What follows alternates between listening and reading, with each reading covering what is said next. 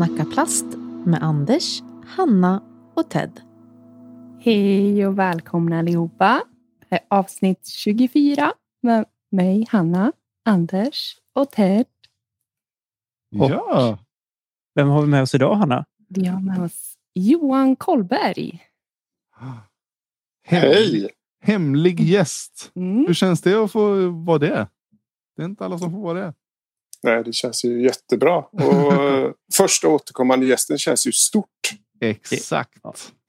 Ja, det är grymt stort är det. och grymt roligt tycker jag faktiskt. Det, är, det här kommer väl säkert bli en följetong kan jag tänka mig Johan. Va? Det, får ju, det får ju bli våran lilla, vad ska man säga, reporter när det kommer till lite banor och sånt tänker jag. Det hade varit superkul.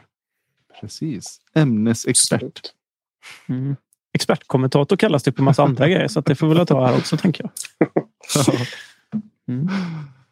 Ja, vad gött. Hur är läget med, med allihopa? Vi kan eh, vi bränna av oss här lite så vi får prata ur oss lite hur vi har det här. Hanna, hur är läget i Hofors? Eh, jo, men det är bra. Jag har haft en extremt lång dag. Var och kastade lite disk med största sonen på förmiddagen. Sen har jag rensat källan i fem timmar på eftermiddagen. Mm, mm, Så, eh, mm. Lite halvsliten, men annars är det bra. Gött. Det är sånt som ska göras. Ja, jag har skjutit på det alldeles för länge nu. Ja. Så att nu åker det en, eh, en släpvagn till tippen imorgon. Mm, mm, mm. Så det är skönt. Bra. Ted då? Du sitter ju nere på coasten. Eller? Franska rivieran. Nej, ja, Ja. precis. Västkusten. Jo då, det är bra här. Eh, jag har faktiskt badat idag fast det har regnat. Så det var kul. Vi har en liten pool här på landet så att det var gött.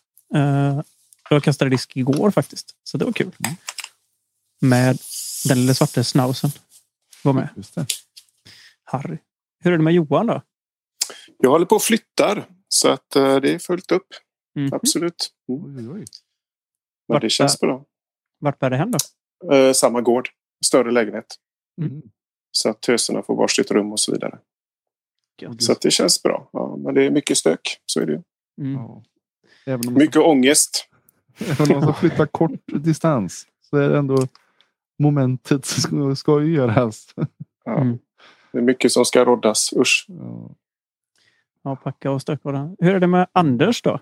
Jo, det är bra. Jag har ju varit iväg och spelat discgolf. Jag också. Mm. Jag tog med min eh, Lagotto istället då för Schnauzer. Eh, Frans, Frasse och min äldste pojk Walter som är 14 år.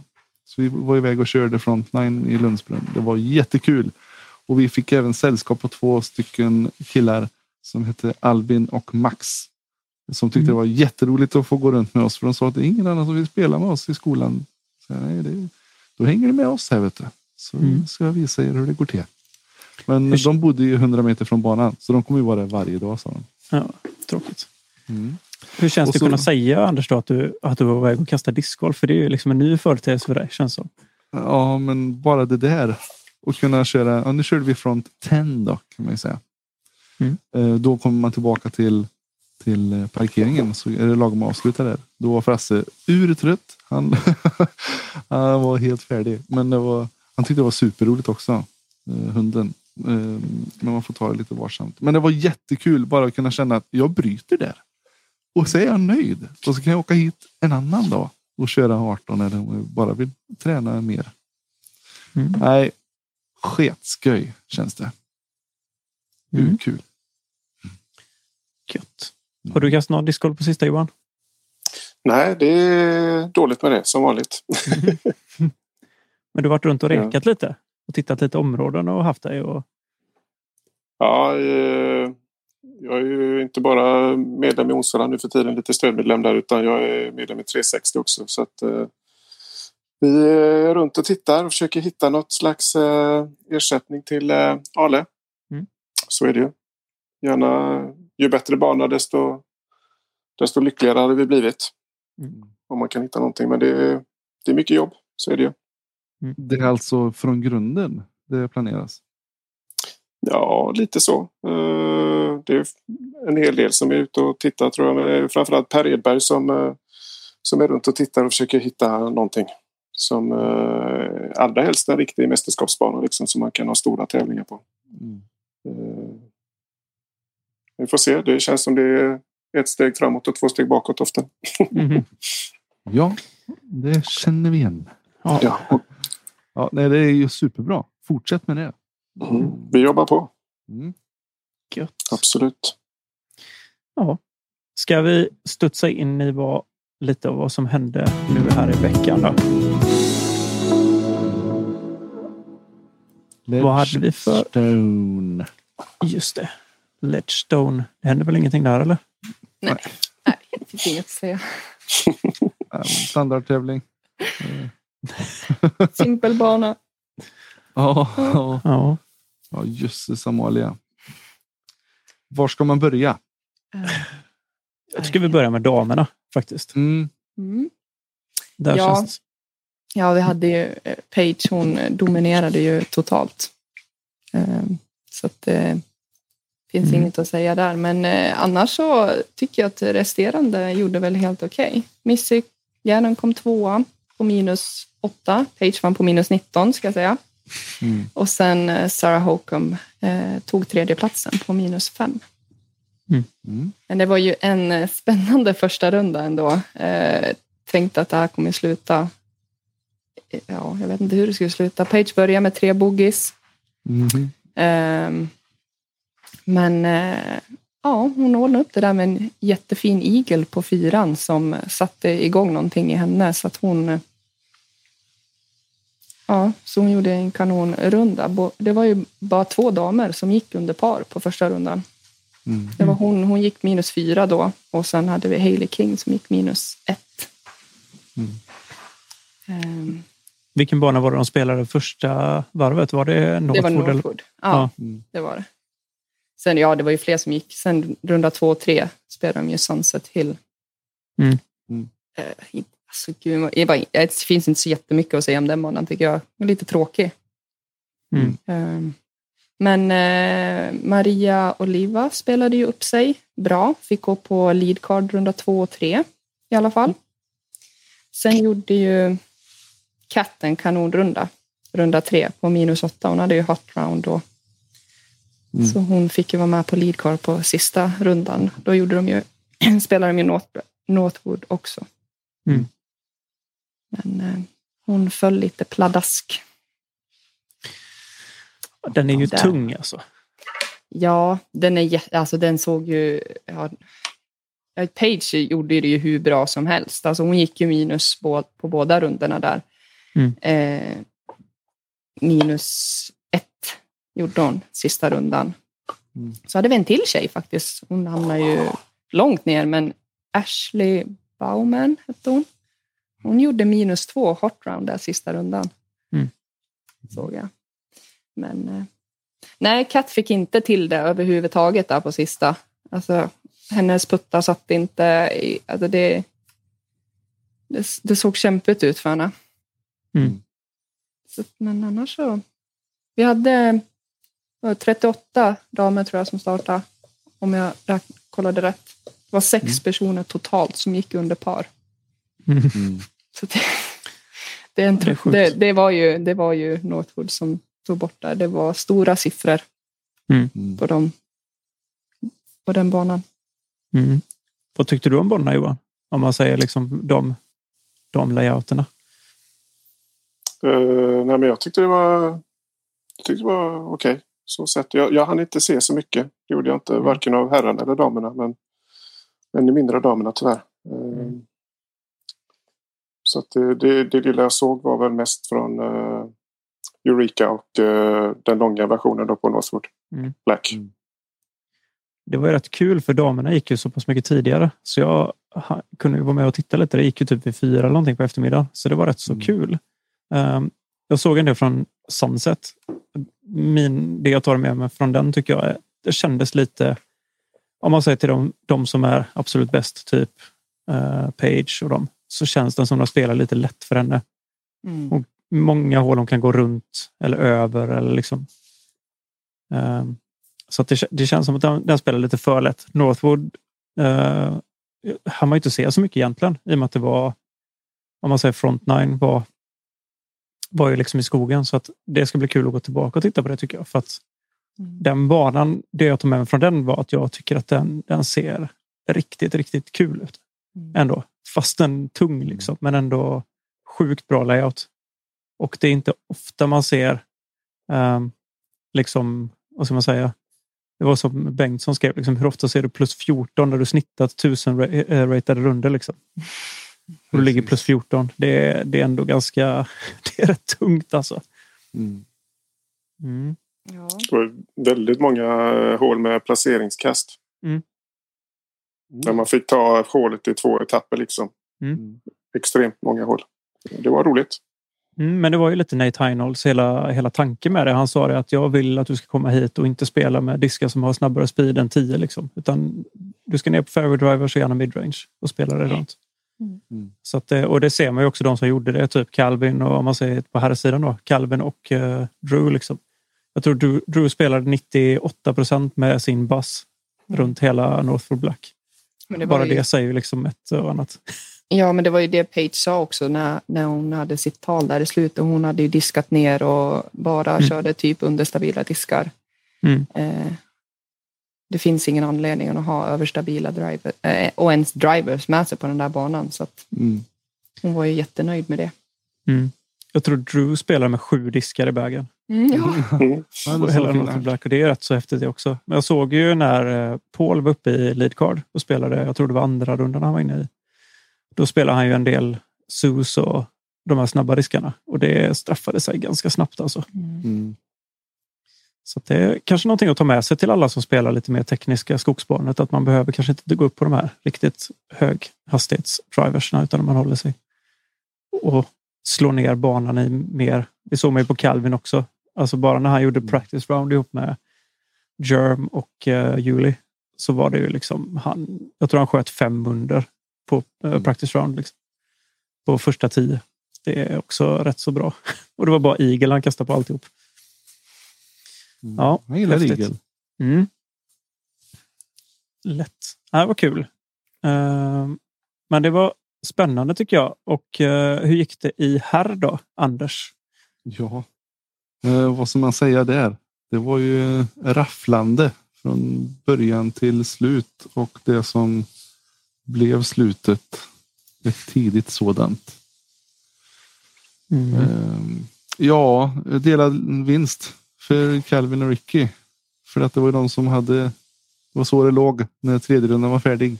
Mm. Eh, och Eagle blev då, säger man att han blev trea då eller? Mm. Mm. Han blev trea om man kollar på PDGA. Eh, liksom på PDGA-sidan Mm. så var han trea. Ja, eh, det var ju en, det var ju ball att se det ändå. Särskilt nu då när man har kunnat kolla på Jomis efteråt. För det var ju så att liven det hoppade igång vid hål 10. Mm. Så man undrade vad som hade hänt där i skogarna på Northwood. Ehm, för det var ju det vi fick se. Um, de två rundorna. Uh, två och tre då. Mm. Ettan var ju ute på den här fina, vad är det den heter då? Johan? Eureka. Ja. Ehm, det gick det som vanligt höll jag på att säga. Förutom att Calvin dunkade en, eh, en eh, Eagle. på hål 2. Var det inte det? Det är ju helt galet. Det skulle inte kunna ske. Men det gjorde han ändå. Man undrar vart den hade hamnat om den inte hade gått i korg. Mm. Så jag tyckte mig lite synd om uh, Kags Line som eh, gick minus fem på fem hål. Och så bröt de tävlingen. Det var ju det man kände när man satt och kollade sista rundan. Där. Och eh, lead card har det jobbigt. Mm. Och så han går som tåget. Eh, Det hade varit roligt att se vart det hade hamnat på slutet. Det är ingen som vet eh, såklart. Men han, eh, ja, han var hyfsat het där Kyle. Ja, verkligen. Mm. Men då för de som inte vet så var det så att eh, de blåste i tutan och eh, det blev avbruten tävling. Eh, de väntade väntade tills, så länge som de kunde och sen bröt de och sa att vi går på tidigare dags resultat. Och då blev det Calvin och Ricky som delade vinsten där. Jag Vad fick, säger vi om den här eh, banan Northwood Black då? En riktig bäst. Mm. Visst var det Johan f- First eh, Frontline som var ändrad till detta året? va? Den här, Ja, he, hela fronten var ändrad och sen så var det ju eh, ja, det var ju sex hål från den gamla layouten så att eh, det var ju tre hål till då blev det ju liksom på back nine om jag nu räknar rätt. Mm. Så att det var 12, 12 helt nya hål. den, eh, ja, den Och, och över 3000 meter genom skogen. Det är så sjukt. En grej som slog mig, jag kommer inte ihåg vilket 12 hål det var, men det var på back nine. Ett ganska långt som går nästan som ett U. Ett par femhål. Där jag vet på, um, på Postprod där jag tror att det var Nate som sa det, att det, där blir det svårt att, att följa reglerna till hur du ska markera. I och med att du ska markera mot korgen liksom, när du kastar. Precis. Och där går det inte. Markerar du mot korgen så får du liksom markera och kasta baklänges. Alltså tillbaka. I och med att korgen är åt fel håll. Liksom. Ehm, så det är väl kanske någonting man behöver justera i framtiden. Liksom hur man ska markera för att markera rätt. Då. Mm. Om du ska markera längs fairway eller om du ska markera mot, mot korg. För jag tänker att den regeln var väl också till förr när inte hålen var så långa och de inte liksom gjorde de här S-formade eller U-formade hålen liksom på det sättet. Mm. Mm. Ja, det var ju verkligen så. Eh, missade du din linje eller att du knackade, då var det tack och godnatt i många fall. Det var lite, tycker jag, summan av summarum på den, den banan. Och man såg att den var mentalt jobbig för dem. De, både Eagle och Calvin gjorde ju rena nybörjarmisstag direkt efter varandra. Som de aldrig skulle gjort annars. Och, och Paul han, eh, han tappade ju eh, på eh, ett hål eller två där. Han, han bara gick fram till disken och kastade iväg den igen. Det såg ut som han var ute och gjorde någon slags joggingrunda eller någonting. Det såg jättekonstigt ut. Ja. Det såg ut som han hade på att ge upp. ja. Ja, det var Man skulle många nog som utan att ut Vad sa du Hanna? Det var många som det såg ut som de ville ge upp. Mm. Spela sån armégolf. Mm. Höger, vänster, höger, vänster, höger, vänster. Mm. Men alla Ja. sa ju tydligen efteråt att de, de tyckte det var roligt och, och eh, de var nöjda med det. De, det var mer sin egen prestation de var missnöjda med än, än banan. Mm. Jag måste ge en ping för Eagle ändå att han, eh, han eh, tar en tredje plats. ja, Alla som Mm. bara säger att han kan kasta på golfbanor. exakt. Mm. Men lite samma som med Page ju. Hon har ju också, alla säger att hon liksom inte kan prestera bra i skogen och det har hon ju uppenbarligen bevisat det här helgen att hon faktiskt kan. Ja, det säger hon ju Mm. själv också. Mm. Att hon vanligtvis brukar träffa alla träd och diskarna flyger åt höger och vänster. Och, så att, eh, nej, men hon lärde väl, så hon sa ju det också. Att, nej, men jag, jag har lärt mig, jag diskar ner. Mm. Liksom, så att, och det lönar sig ju. Mm. Ja, alltså det kan man ju gå till själv också bara. Har man en dålig dag så kanske man inte ska gå på eh, de diskarna som man liksom inte känner riktigt eller där det blir så mycket fel utan gå tillbaka på liksom basic Mm. putterkast och, och midrange och sånt. Skulle jag tro. Ja, vad kul. Drew var med länge också. Det tyckte Mm. jag var en rolig grej som utmärkte sig lite. Spelar Mm. fantastiskt bra. Han gjorde också en fin igel. Det gjorde han verkligen. Mm. Klockrent eh, inspel rätt in i korg. Ja. Han flög så fint. Den var ju faktiskt längre än Conrads på VM. Mm. ja, och sen var ju den med på Sports Center Top 10 också. Kom den med. Mm. Så det var Mm. lite häftigt. 85 meter. Det, det är sjukt. Ja, det är coolt. Mm. Riktigt, eh, riktigt snyggt. Men det var ju också för att han la den. Han la ju upp den så fint. Så han hade ju Mm. en super, alltså inför det kastet. Han låg ju perfekt där i mitten och hade det här raka inspelet mot korg kvar. Och det aceade han ju då kan man ju säga. Mm. Och det är väl så Men det var några kul. fairways du kan komma egentligen. Tänker jag. Mm, precis. Ja, det var roligt att ha honom i och få se honom spela. Mm. Och att, eh, som, det var någon som sa att de tyckte att hans putt såg stabil ut igen. Tidigare Mm. så har det varit lite så här. Ja, eh, inte känns solid. Men eh, han verkar ha fått igång en putting stroke nu i alla fall. Han pratade Det är lite om det själv nu just efter bytet till EV7. Mm. Att det är kul att putta igen. Mhm. Eh, Så att, det- för det hörde jag lite om. De la ut det från Jomes liksom. Just hur det var att spela med, Mm, Precis. med en mixed bag och sånt. Och han sa det att just den disken har gjort lite så att han tycker att det är lite kul igen. Det kan ju alltid vara skönt Mm. När man tycker det. Mm. Gött. Fräsigt då. Vad Mm. har vi att se fram emot nu? Det är så mycket discgolf så det är, det är löjligt. Det kommer ju på, är det sista helgen nu som de kör eller är det en helg till efter den här Johan? Vet du det? Nej, nu är det sista helgen här på uh, Idlewild. Vad, På ett tag. Mm. Vad är det för bana Idlewild? Jag kommer inte riktigt ihåg. Idlewild är min favoritbana. Eh, många som säger att det är en, eh, en skogsbana men det är ju ändå en hel del öppna hål också så jag tycker den är okej, den är i första hand kanske en skogsbana men den är ganska mixad. Det är den banan med de här ringlande bäckarna. Om du kommer ihåg dem Just det, jajamän. till exempel. Det var väl där Paul eh, gjorde en ganska bra throw-in. Han gick väl typ OB tidigt va? Och gick backa bak. Och kastade ner. Det är ganska öppet fält och sen rätt ner i skogen va? Är det inte så? Förra året. Ja, jag kommer inte riktigt ihåg. Mm. Ja, men det, du vet vilken bana det är när du ser den. Ja, garanterat. Jag är fullt med på vilken det är. Så det är häftigt. Eh, ja, så det ska bli kul. Sen har vi ju faktiskt, det är ju EM i Konopiste. Mm. Visst är det så? Mm. Det är det. Jag eh, kollade på Simon när han gick med Jussi Mm. eh, och körde en runda där. Eh, Konopiste är ju en fet bana alltså. Den är ju en sån drömbana att åka ner och spela. Mm. Är den inte det? Jo, tycker jag. Har du sett någonting från Hanna? Ja, jag har sett lite som Matilda har lagt ut och Pia, eller vad säger jag, Linda har lagt ut lite och Anton. Så att, Mm. Men jag har, inte, jag har inte sett banan i helhet. Det har jag inte gjort. Eh, Du kan gå in och kolla från uh, Disc Golf World Tour. Mm. var det väl. Eh, 2016 eller sånt där. Eh, ja, det, den är maffig. Är den. Ja, men den ser jättefin ut. Så. Mm. Bra. Vad har vi för svenska hopp som är? Vet vi det?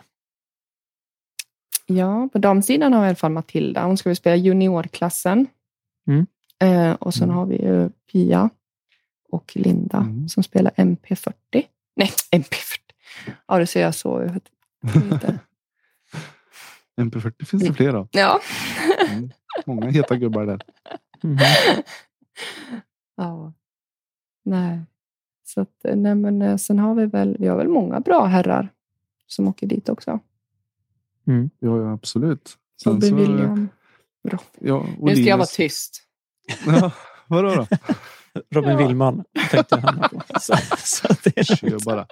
Ja, ja, det är alltså. Inga problem. Eh, Bengtsson är med. Mm. Bagare Bengtsson. In på det med?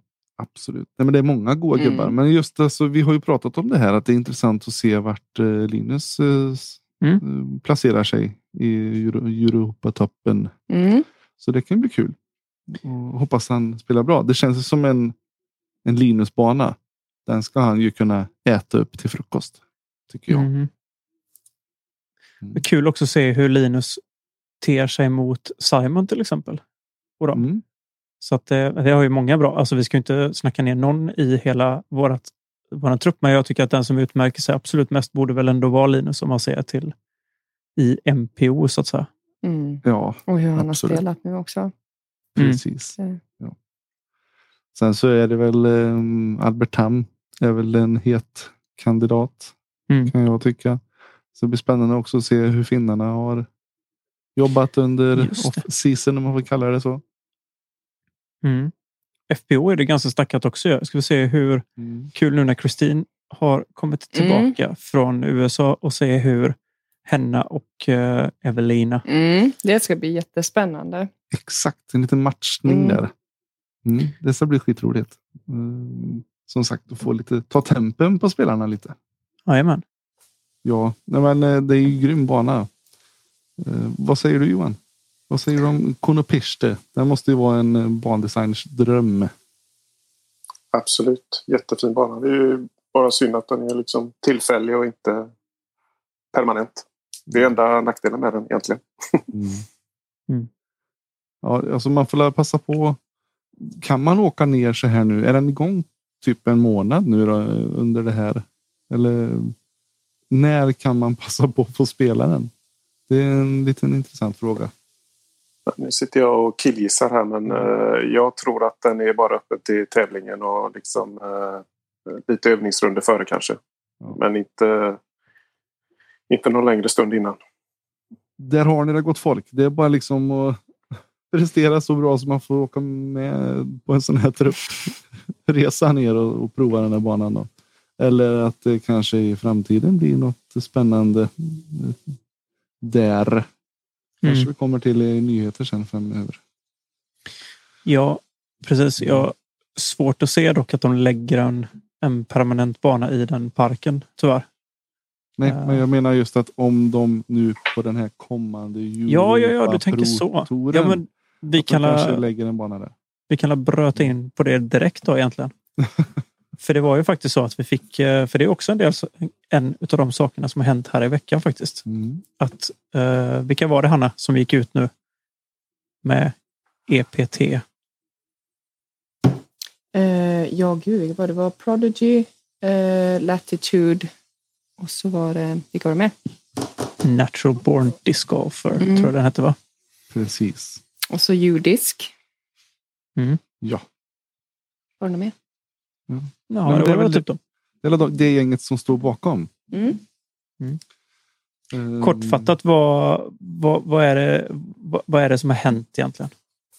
Jo, men de som står bakom det där, de vill dra igång en motsvarighet till eh, DGPT kan man ju säga i, eh, i USA. Här då i Europa med livesända tävlingar med större utbetalningar. Eh, något för Europaspelarna att åka ut på som är större än de här nationella grejerna. Eh, och just fokus på live. Och de ska ju ha någon tjänst då som man kan prenumerera på och se de här grejerna. Likt DGPT. Och de kommer även sända sista rundan på Youtube. Likt DGPT. För de, de har förstått att det har varit ett lyckat koncept. Mm. Ehm, och de kommer börja med några stycken tävlingar nästa år. Och så är tanken att det ska växa. Liksom. Och det ska vara på finnish. Finnish language. Och det ska vara på swedish. Nej, det kommer inte vara. Men english. Så får vi se vart det tar vägen sen. Ehm, jag tycker det verkar superroligt. Ehm, och applåderar. Ehm, sen så får vi se hur många som får dra nytta av det. Vilka vi skickar iväg härifrån Sverige och så vidare. Men nu, nu är det dags för våra sponsorer att gå in och skicka ut våra spelare till Europa. Tycker jag. Mm. Håller med. Rant over. Ja, vad tror du Hanna? Tror du vilka, om du skulle bara spekulera, vilka tror du skulle kunna åka härifrån? I, i FPO eller? För det, jag tänker att det blir väl säkert FPO och MPO precis som i DGPT eller? Ja, men det borde det väl bli, tänker jag. Men vi har ju Alltså vi, vi har ju väldigt många bra damer ändå. Alltså tio stycken som vi skulle kunna skicka som med mer träning hade kunnat göra sig bra, tror jag, med resten av eh, som det ser ut nu. Nu har ju inte Sofie tävlat så mycket eh, på sistone eh, som det har sett ut. Men det är ju... Ja, men Matilda är ju fruktansvärt duktig. Mm. Eh, sen har vi många tjejer som satsar nu.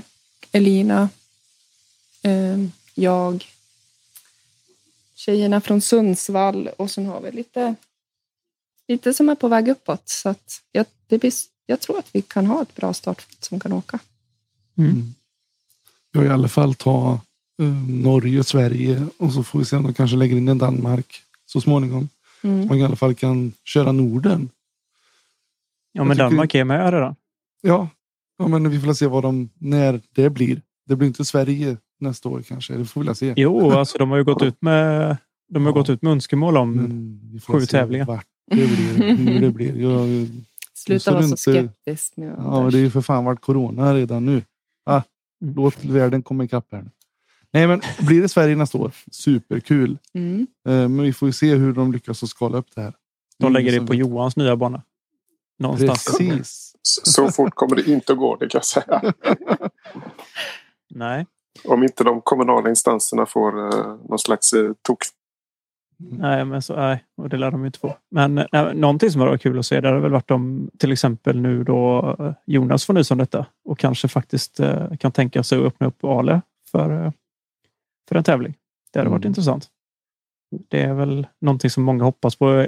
Svårt att se att det blir så, men det hade väl varit kul. Det finns ju. eh, vi satt ju och snackade lite om det nu i insnacket, liksom vart det skulle kunna ligga någonstans. Jag har ju svårt att se att man skulle kunna lägga det på Järva nu, så som Järva ser ut i dagsläget. Med liksom det som har blivit borttaget. Jag tyckte att eh, jag tyckte Masters layouten som spelades på Järva var sjukt bra. Verkligen en superbra tävlingsbana.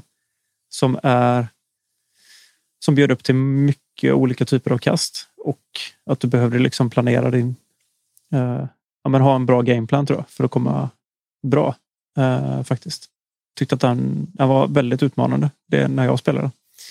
Eh, Sen kan det vara bero på att jag är kass, men Nej, men du är inte ensam. Det är liksom alla Mm. spelare i världen tycker att den var helt fantastisk. Så att Mm. Det är inte så konstigt. nej. Nej, men... eh, Sen har vi ju. Skellefteå.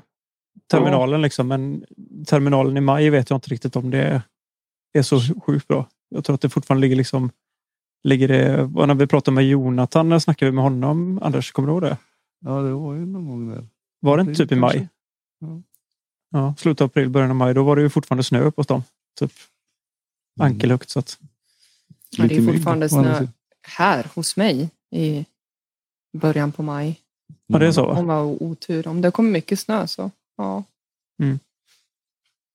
Jag glömmer ju lätt bort det att du, du bor ju så sjukt långt bort. Det gör Mm. jag inte. Nej, det gör du inte. Inte ens halvvägs. Nej.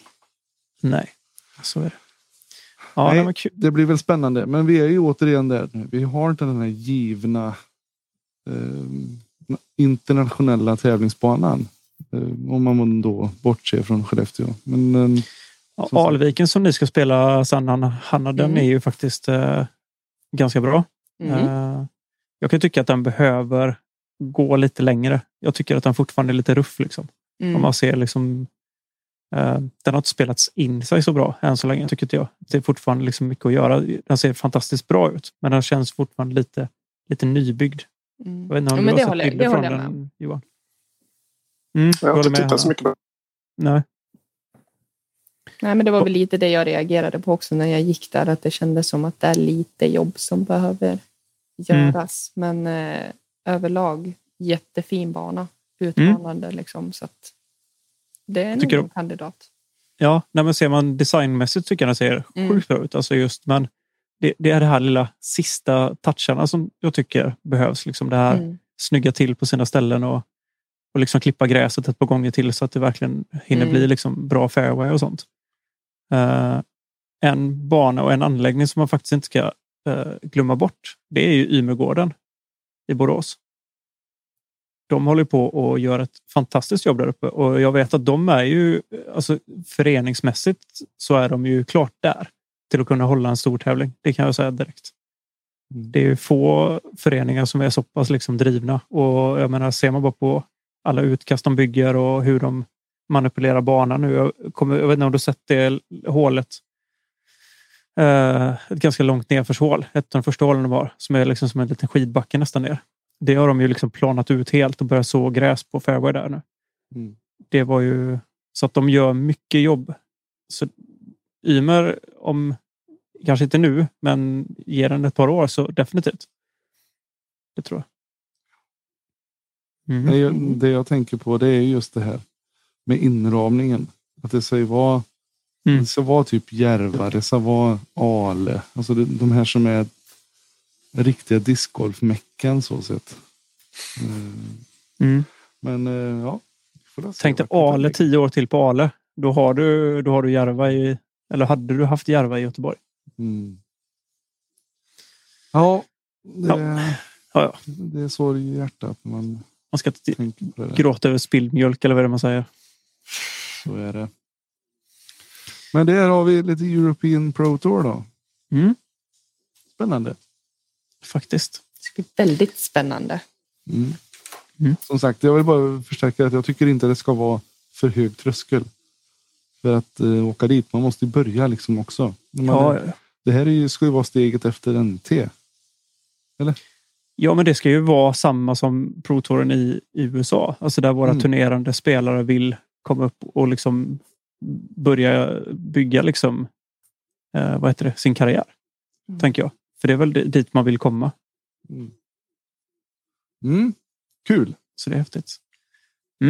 Ted, Jag tänkte ta- och provat lite. Ja, jag tänkte göra precis det är så. Jag tänkte snacka in vårat, eh, vad ska vi säga, våra topic för detta avsnittet som vi eh, ska låta sticka under stolen och säga att det är ju faktiskt, vi ska ta upp lite angående banor och bandesign och så vidare. Eh, är väl tanken. Eller vad säger ni? Ja. Eh, ja. ja, ja. Ja. Nej, jag var faktiskt iväg i, eh, med min lillebror och testade en för mig ny bana, Vändelsberg i Mölnlycke. Jag tyckte att banan i sig, det är väl en discgolfpark också, tror jag. Om jag inte miss, missminner mig. Eh. Ja, det, Hålen, hålen tyckte jag var bra faktiskt. Eh, jättefina, lite vatten och sånt. Ganska trevligt. Det jag slogs av ganska snabbt var att jag tyckte att 10-padsen var ganska dåliga. Kändes liksom, det var ingen riktig standard i det. De var olika långa och lite så. Det tyckte jag var lite tråkigt. Men överlag ganska bra eh, bana. Um, sen var jag faktiskt över i Sätila och spelade en bana vid Lygnen. Lygnen är ju eh, Hallands, en av Hallands största sjöar, va? är det inte så? Som Kungsbacka och så vidare faktiskt får sitt dricksvatten utav. Där är inte närheten utav Vänern, Anders, så du kan sitta lugnt i båten. Eh, men där var det lite tallskog och en nybyggd bana utav eh, där de hade Prodigy. Hoppas Elina blir nöjd med det uttalandet. Eh, deras eh, korgar och så vidare. Och jättetrevliga korgar. Fantastiska T-pads. Ehm, jag tyckte att bansträckningen var rolig. Jättefin bana för folk som vill börja spela och, och liksom vyerna var fantastiska. Ehm, men jag vet inte, någon måste ha haft lite, ja, det, jag vet ingen aning vad de har gjort när de drog bansträckningen. För man gick lite fram och tillbaka och det var något hål och man hittade inte riktigt och sånt. Det var väl ungefär det enda som var ganska dåligt och det var rätt dåligt utmärkt med mandopilar och så vidare. Men annars så tyckte jag att det var, det var schysst. Eh, eller så. Men det finns ju judisk. Den ligger ju där så då kan man ju gå via deras app om man vill ha bort sig totalt. Precis. Fiffigt. Så är det. Men vi har ju tagit med Johan för detta avsnittet. För att vi har ju snackat lite vid sidan om ibland av avsnitten. Just när det kommer till barndesign. Och jag vet, du är ju en av de som jag känner i alla fall som har eh, väldigt stort intresse i olika banor och olika folks designer och så vidare. Så att det var väl lite det vi skulle dra igenom här idag. Och Johan, vad tycker du är minimum för att få till en bra barndesign? Om man säger så. Jag tycker det är viktigt att eh, banan är varierande. Att den är liksom utmanande eh, Vacker att titta på. Att det finns eh, höjdskillnader och, och lite vatten gärna också. Mm. Det är väl eh, basen om man säger så.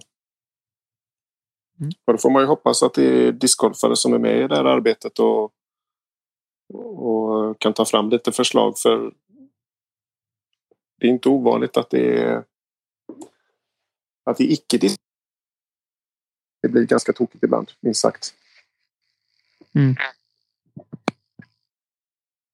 Jag håller med. Vad, Hanna, vad tycker du? Är minimum för en bra barndesign? Nej, men det är väl lite som, som, som man säger, det ska vara... Alltså minimum tycker jag att det ska kunna vara bra linjer, alltså att man... man Alltså, jag tycker det viktigaste på en bana egentligen, det låter jättekonstigt, men det är ju, det är ju när man kastar ut. Alltså det ska finnas en tydlig, en, en bra teapad och det ska finnas en tydlig linje eller liksom en, en plats där jag vill, vill landa. Liksom. Eh, Mm. och det, jag tycker att det ska vara lite öppet, lite skog. Eh, ja, men 50-50, det tycker jag. Eh, vatten, absolut. Ska man ta med sig Lina så hon får bada lite. men eh, nej, men både skog och öppet gillar jag. Jag, tyck, jag tycker ju om, alltså mina favoritbanor är ju skogsbanor. Jag tycker om att träffa linjer och ja, men det ska finnas en tanke bakom kastet. Sådana såna banor tycker jag om. Eh, det ska inte bara vara sättas upp för att det ska finnas någonting, utan jag vill gärna att det ska vara en tanke bakom varje hål. Känner jag. Ja. Det är väl bra nog. Ja. Nej, men det är, jag tror alla skulle svara samma. Det här med lite varierande och lagom utmanande. Mm. Ehm, Sen så går det såklart att kategorisera det lite. Det här är, den här är gjord för, för superamatörer och nybörjare. Liksom att då det mest bara man ska lära sig att kasta en disk. Um, finns ju sådana exempel. Ehm, men jag är ju inne på era spår här. Jag, jag gillar också det här som du säger ehm, Hanna, när man får köra lite skog men sen ändå få andas ut lite, komma ut. Även om Mm. det är liksom en 80 procent skog så är ändå de där 20 ute är så sköna att få. ja, gud ja, verkligen. Mm, Det var samma lite- som jag tänkte när jag var i Mockfjärd. Där är det ju bara skog, skog, skog, tajta linjer och liksom. Ja, Mm. Sen fick, fanns det något hål som man fick driva på och det var ju då jag vaknade till. Så att det bästa är ju att kunna börja på ett sånt hål där man bara får och sen Mm. ha lite i mitten så att man, som du säger, man får andas ut lite. Se diskarna flyga lite. Ja, precis. Ja. Är det så de ska flyga? Inte Mm. in i träd. Mm. Ja, men det är roligt att få se en hel flykt. Och, även om det är väldigt spännande och utmanande när man sätter sin linje och man inte vet hur bra det blev. Mm. Men, eh, ja. Mm.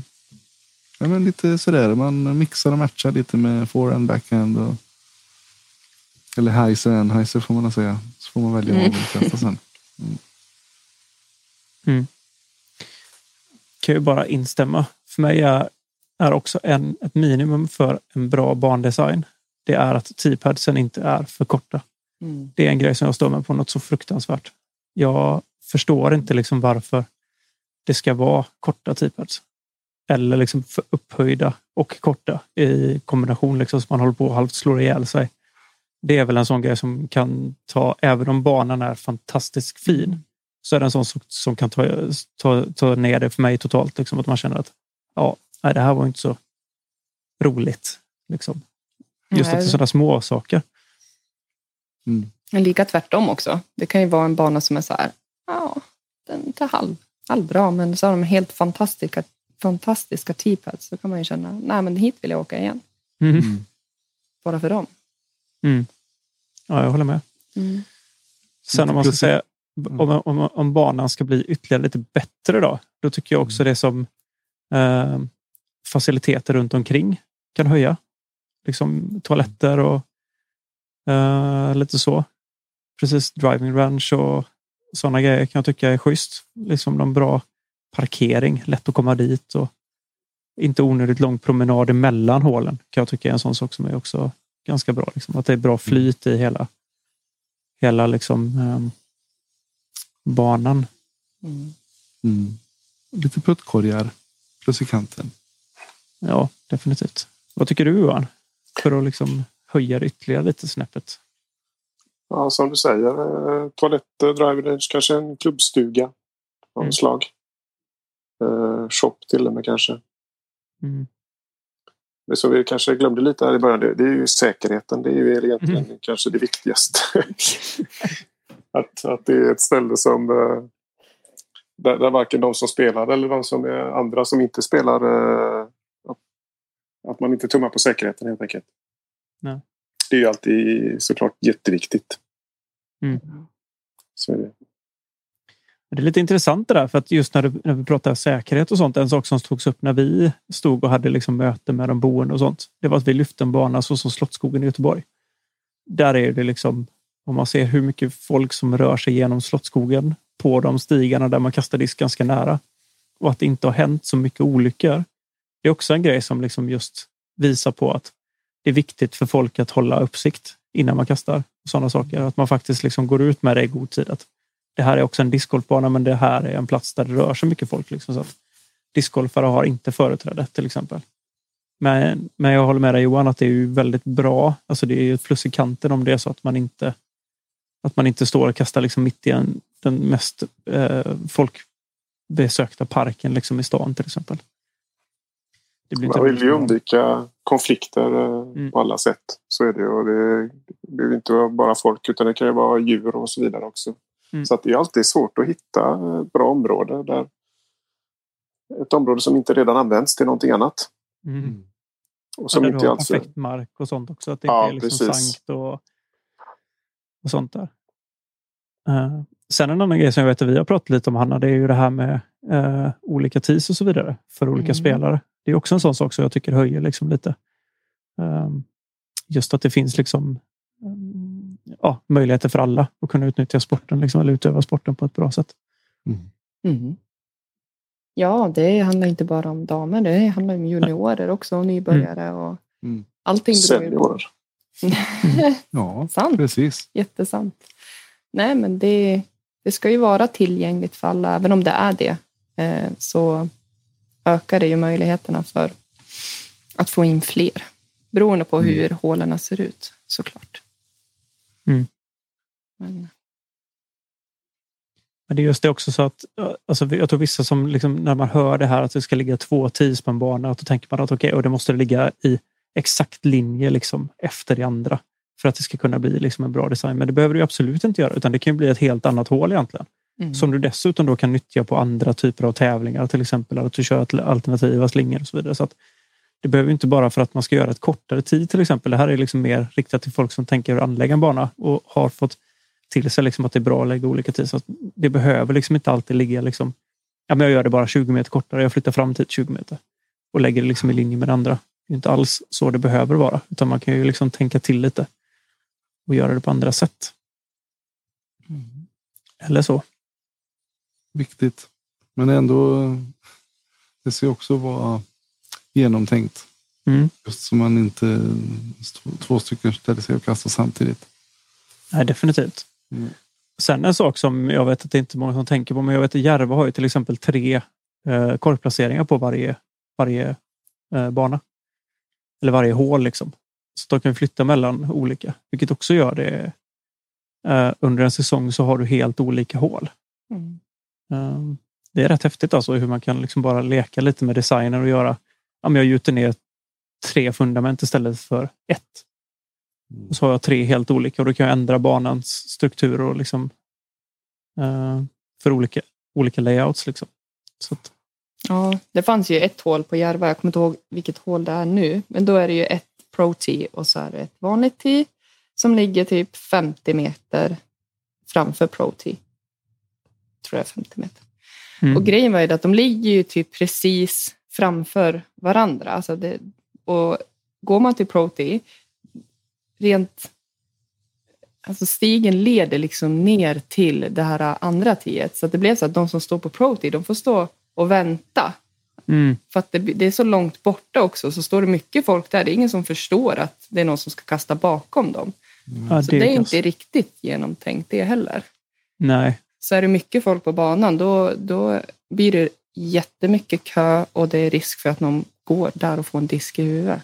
Om man Mm. med sig en båttuta. Ja, får göra det nästa gång.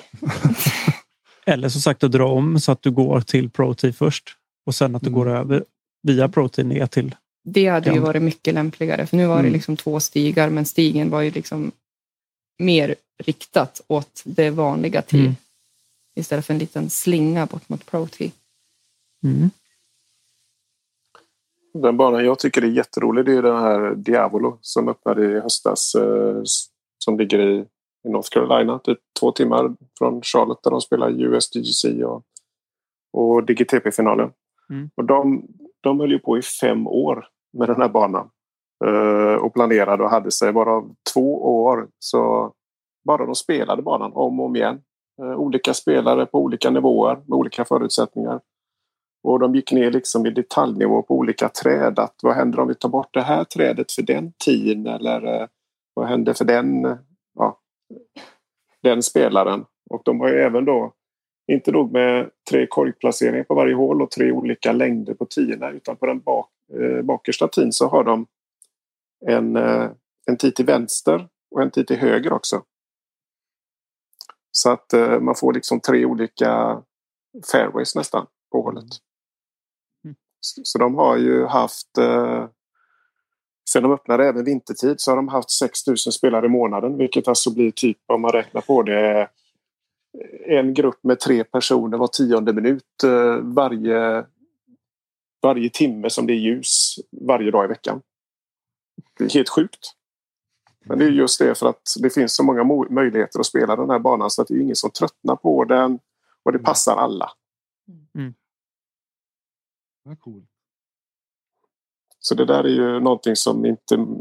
Det är inte många som har den energin och, det, och det och liksom intresset av att lägga ner så mycket tid på någonting. Men det blir ju ett väldigt bra slutresultat såklart.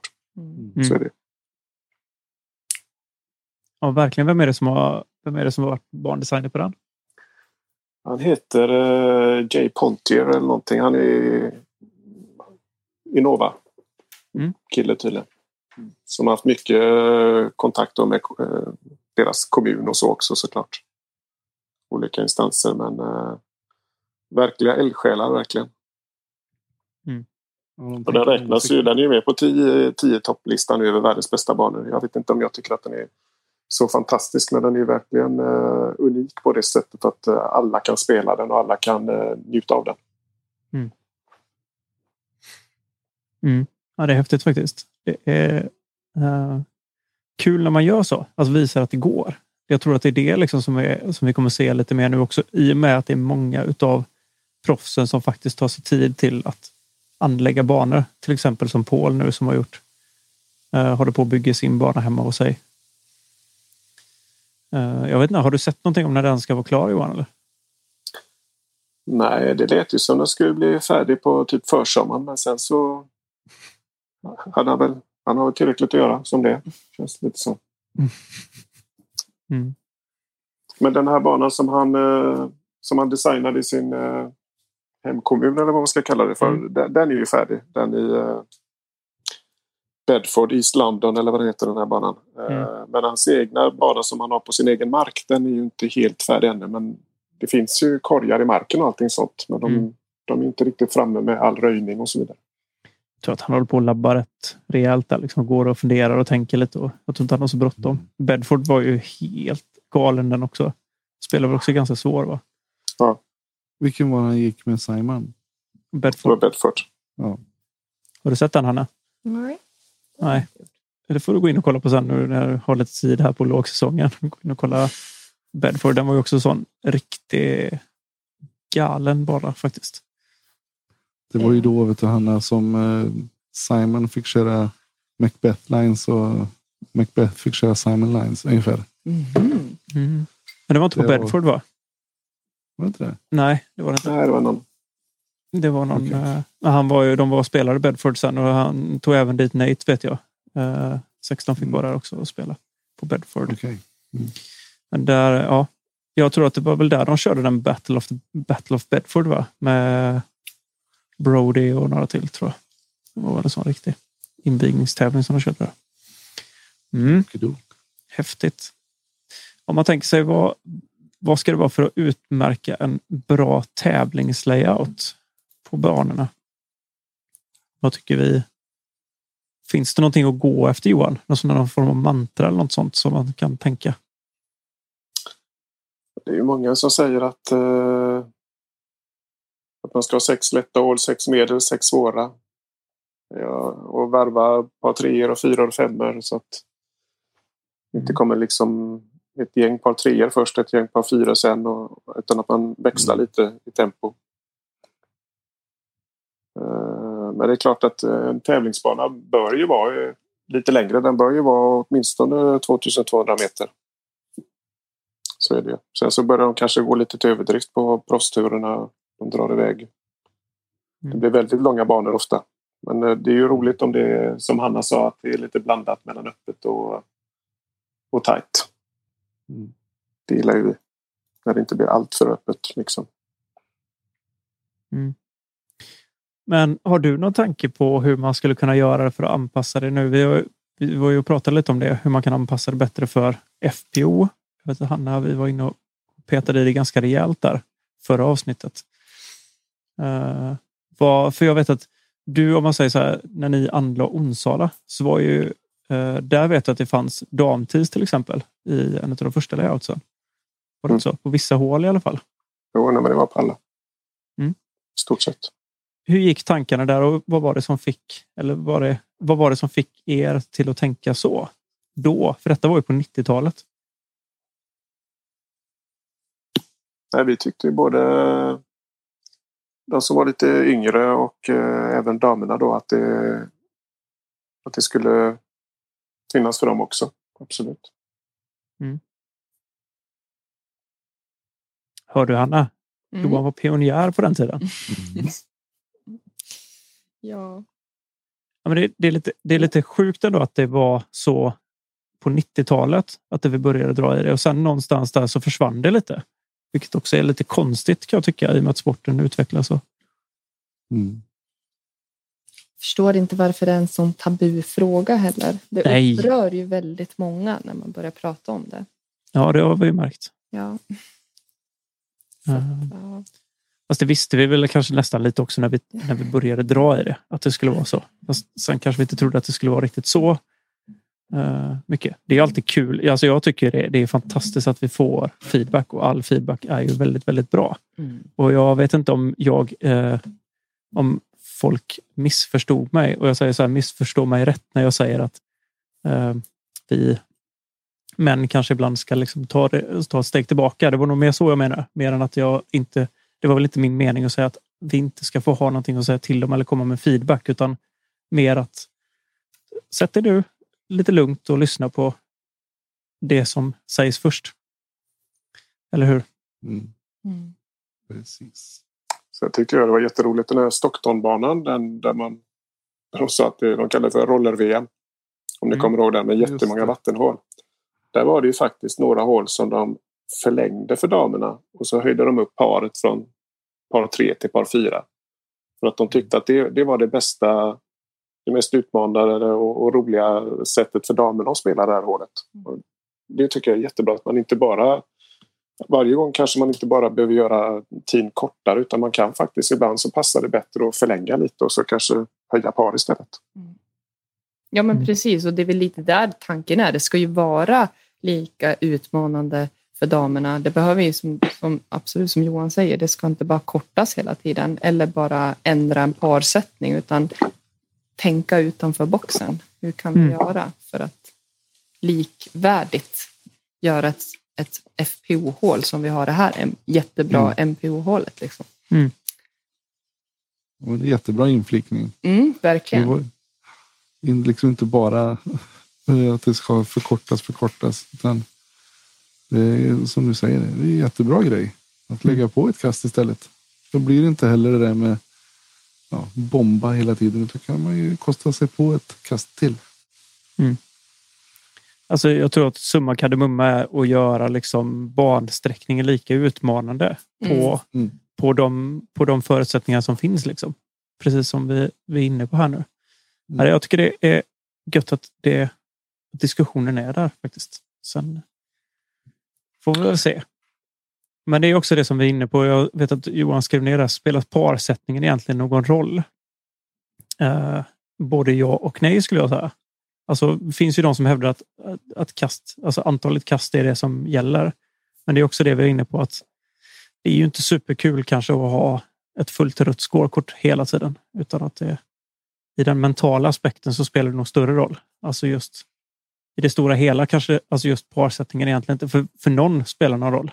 Men det är ju den mentala aspekten att gå iväg med en birdie eller gå iväg med dubbelbogey hela tiden. Det är väl just det som tar bort det kan jag tycka.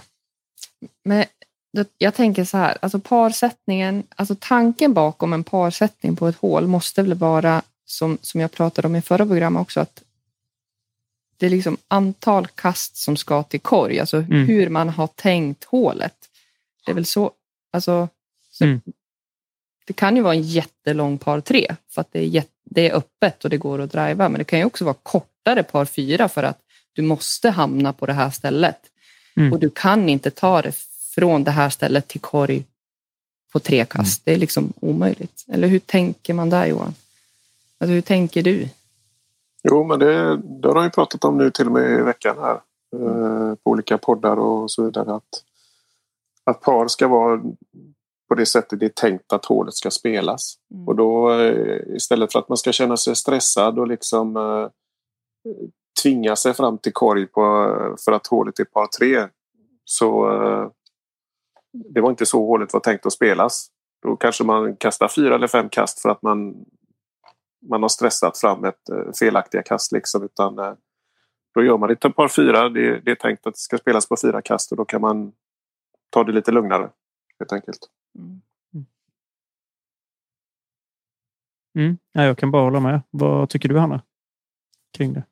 Nej, men jag tycker det är jättebra. Det ska finnas en tanke bakom hålen och det är ju samma liksom som, som alltså jag har inte ens tänkt i, i den tanken att ja, men flytta bak tio och göra ett par fyra för, för damerna. Alltså, man blir ju... Mm. Man, man, låser sig ofta på de här längre hålen också. Alltså, blir, mm. Det blir ju så. Mm. Eh, hur, hur ska jag ta mig fram här? Alltså, jag gör det bästa jag kan. Men ändå så kommer jag... Liksom, det är inte tillräckligt. Men eh, det, var, så det var en jättebra tanke. Mm. Det, det, är så det ska finnas. Det ska inte bara kortas fram till heller, utan det är som, som du sa Ted, det kanske lägger en annan vinkel så får ett helt annat kast. Mm. Så det, det, behövs kanske inte så jättemycket, men det att det ligger en tanke bakom.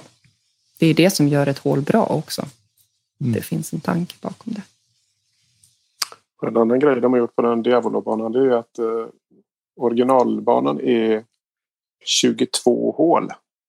Eh, och då är det eh, sex av de hålen, hålen som, som är liksom, vad ska jag kalla för? För vi, vi säger till exempel då hål 13 och 14. Det är då tänkt från början att man ska kunna spela det som ett hål också. Som de kallar för fusion hål, att man bakar ihop. Det blir lite safari nästan, att man spelar från 13 tid till 14 korg. Och det är då en av anledningarna till att de, att de gjorde 22 hål från början istället för 18. Att man, att man då, de som kastar eh, lite kortare ska kunna spela banan med hål 13 och 14, eller de flesta till och med, ska göra det på det sättet. Medan de då som kastar riktigt långt eh, på sådana här lite större tävlingar, då spelar man det som ett hål istället. Och det finns då eh, på tre, tre ställen på banan så, är det, så har de tre sådana fusion-hål då som på ordinarie bansträckning är sex hål men, men på stortävlingar och så vidare så spelar man det som tre hål istället. Mm. Ja, det är coolt. Mm. De, de siktar högt. Men det är bra. Mm. Här försöker vi knö in 18 hål på en begränsad mark. Men, eh, ja, men det är det som var ball med Järva också får man ju då säga. Att de hade möjligheten att, att experimentera lite som du säger Ted. Mm. Men Masters layouten där som du tänkte på eller? Ja, men just att de hade flera korgar på. Mm. Jo, men sen också Masters layouten vet du, de bakar ihop mm. driving ranchen mm, med andra precis. hålet till exempel. Så att du hade liksom först kastar du en driving range, sen kastar du eh, alltså, bra mycket Precis. bakom eh, tid till andra korgen. Liksom. Så att, äh, det var, jag tyckte den var bra på det sättet. Alltså, den utmanar ju liksom alla. Mm. Så det var häftigt faktiskt. Uh, en grej som när man pratar liksom tävlingslayout och sånt. Du har ju en sån klassisk vattendelare i USDGC Med alla liksom hazards och rep. Och det är ju en ganska, vissa hål är ju ganska platta annars. Liksom. Kanske inte bjuder upp till så mycket kamp om de hade varit helt öppna. Men med, med liksom repdragningen så gör det ju att det blir väldigt eh, tungspelat istället. Vad, vad tycker vi om sådana banor? Om man säger? Vem vill ta facklan? Ja, det, jag kan ju säga att jag tycker de äggar ju mig lite grann. Jag skulle vilja prova en sån där med repbana. Och att eh, det är något annat när man bara får använda sina. Det är som en öppen canvas. Hur ska du ta dig dit? Du måste landa här. Mm. Sen är det fritt fram och kasta som du önskar dit. Men eh, det går ju inte. Det är inte direkt utbytbart mot eh, riktigt fina hål.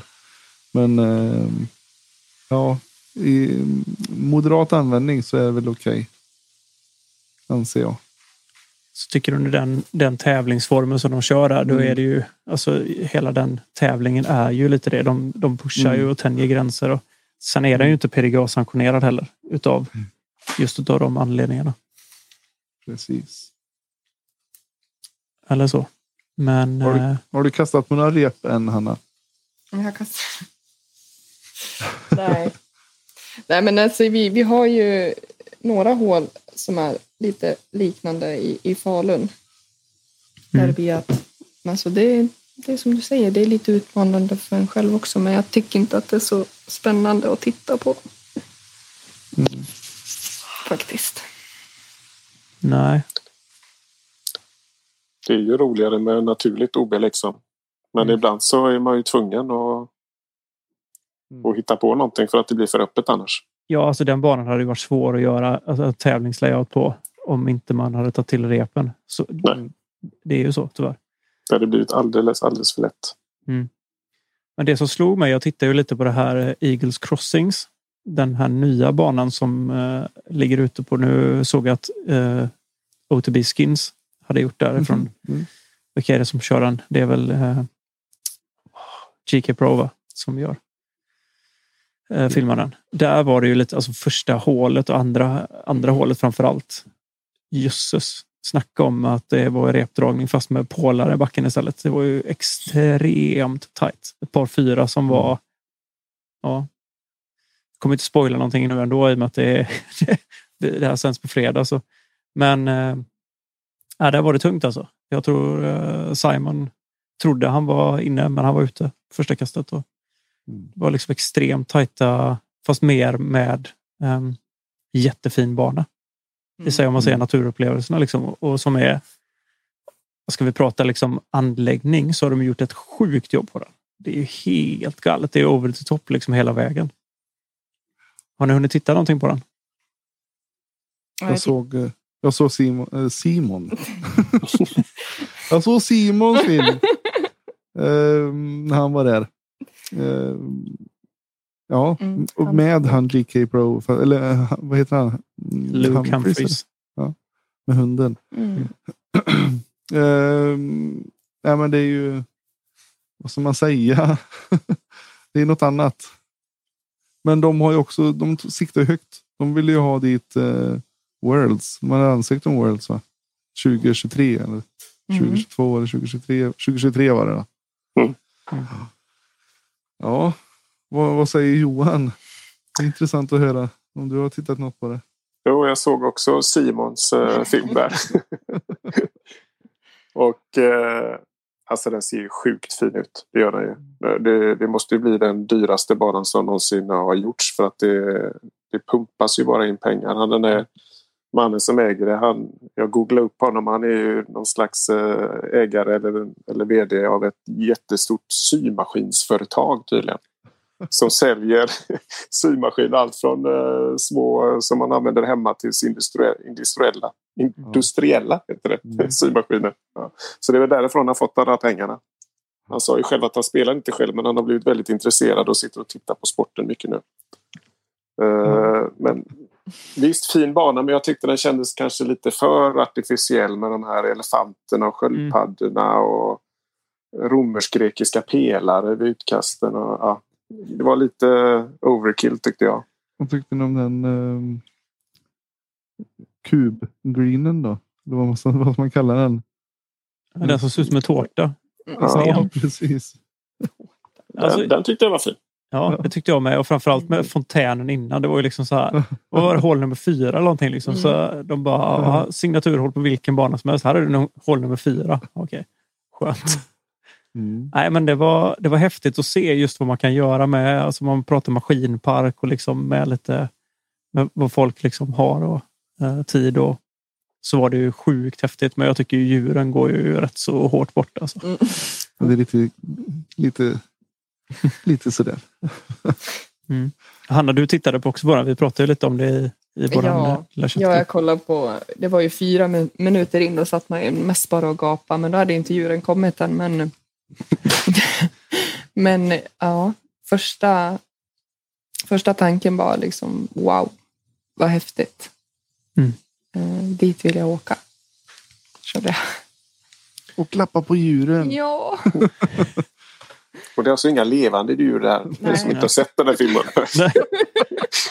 ja, det är massa sten, eh, krokodiler och, ja, jag vet inte, allt. Att, att ta bort det och så man bara se liksom just vad man kan göra. Om man säger så, om man bygger en bana Mm. för discgolf. Vad man kan Precis. göra med lite liksom fantasi och maskiner och pengar. Mm. Det tyckte jag var det som var mest häpnadsväckande kring det. Liksom. Det var ganska, ja, det var häftigt. Absolut. Men vad var det för korgar egentligen? Ja, det, ja, de var alla sådär. Det kanske han skulle lagt lite mer kulor på korgarna kanske. Men Mm. eh, ja, nej, det var, jag tyckte det var, det var fräsigt faktiskt. Ja. Mm. Jag tyckte han kunde skippat djuren där och gjort eh, Jurassic Park istället. Slängt in massa dinosaurier istället. Ja, riktigt. Ja.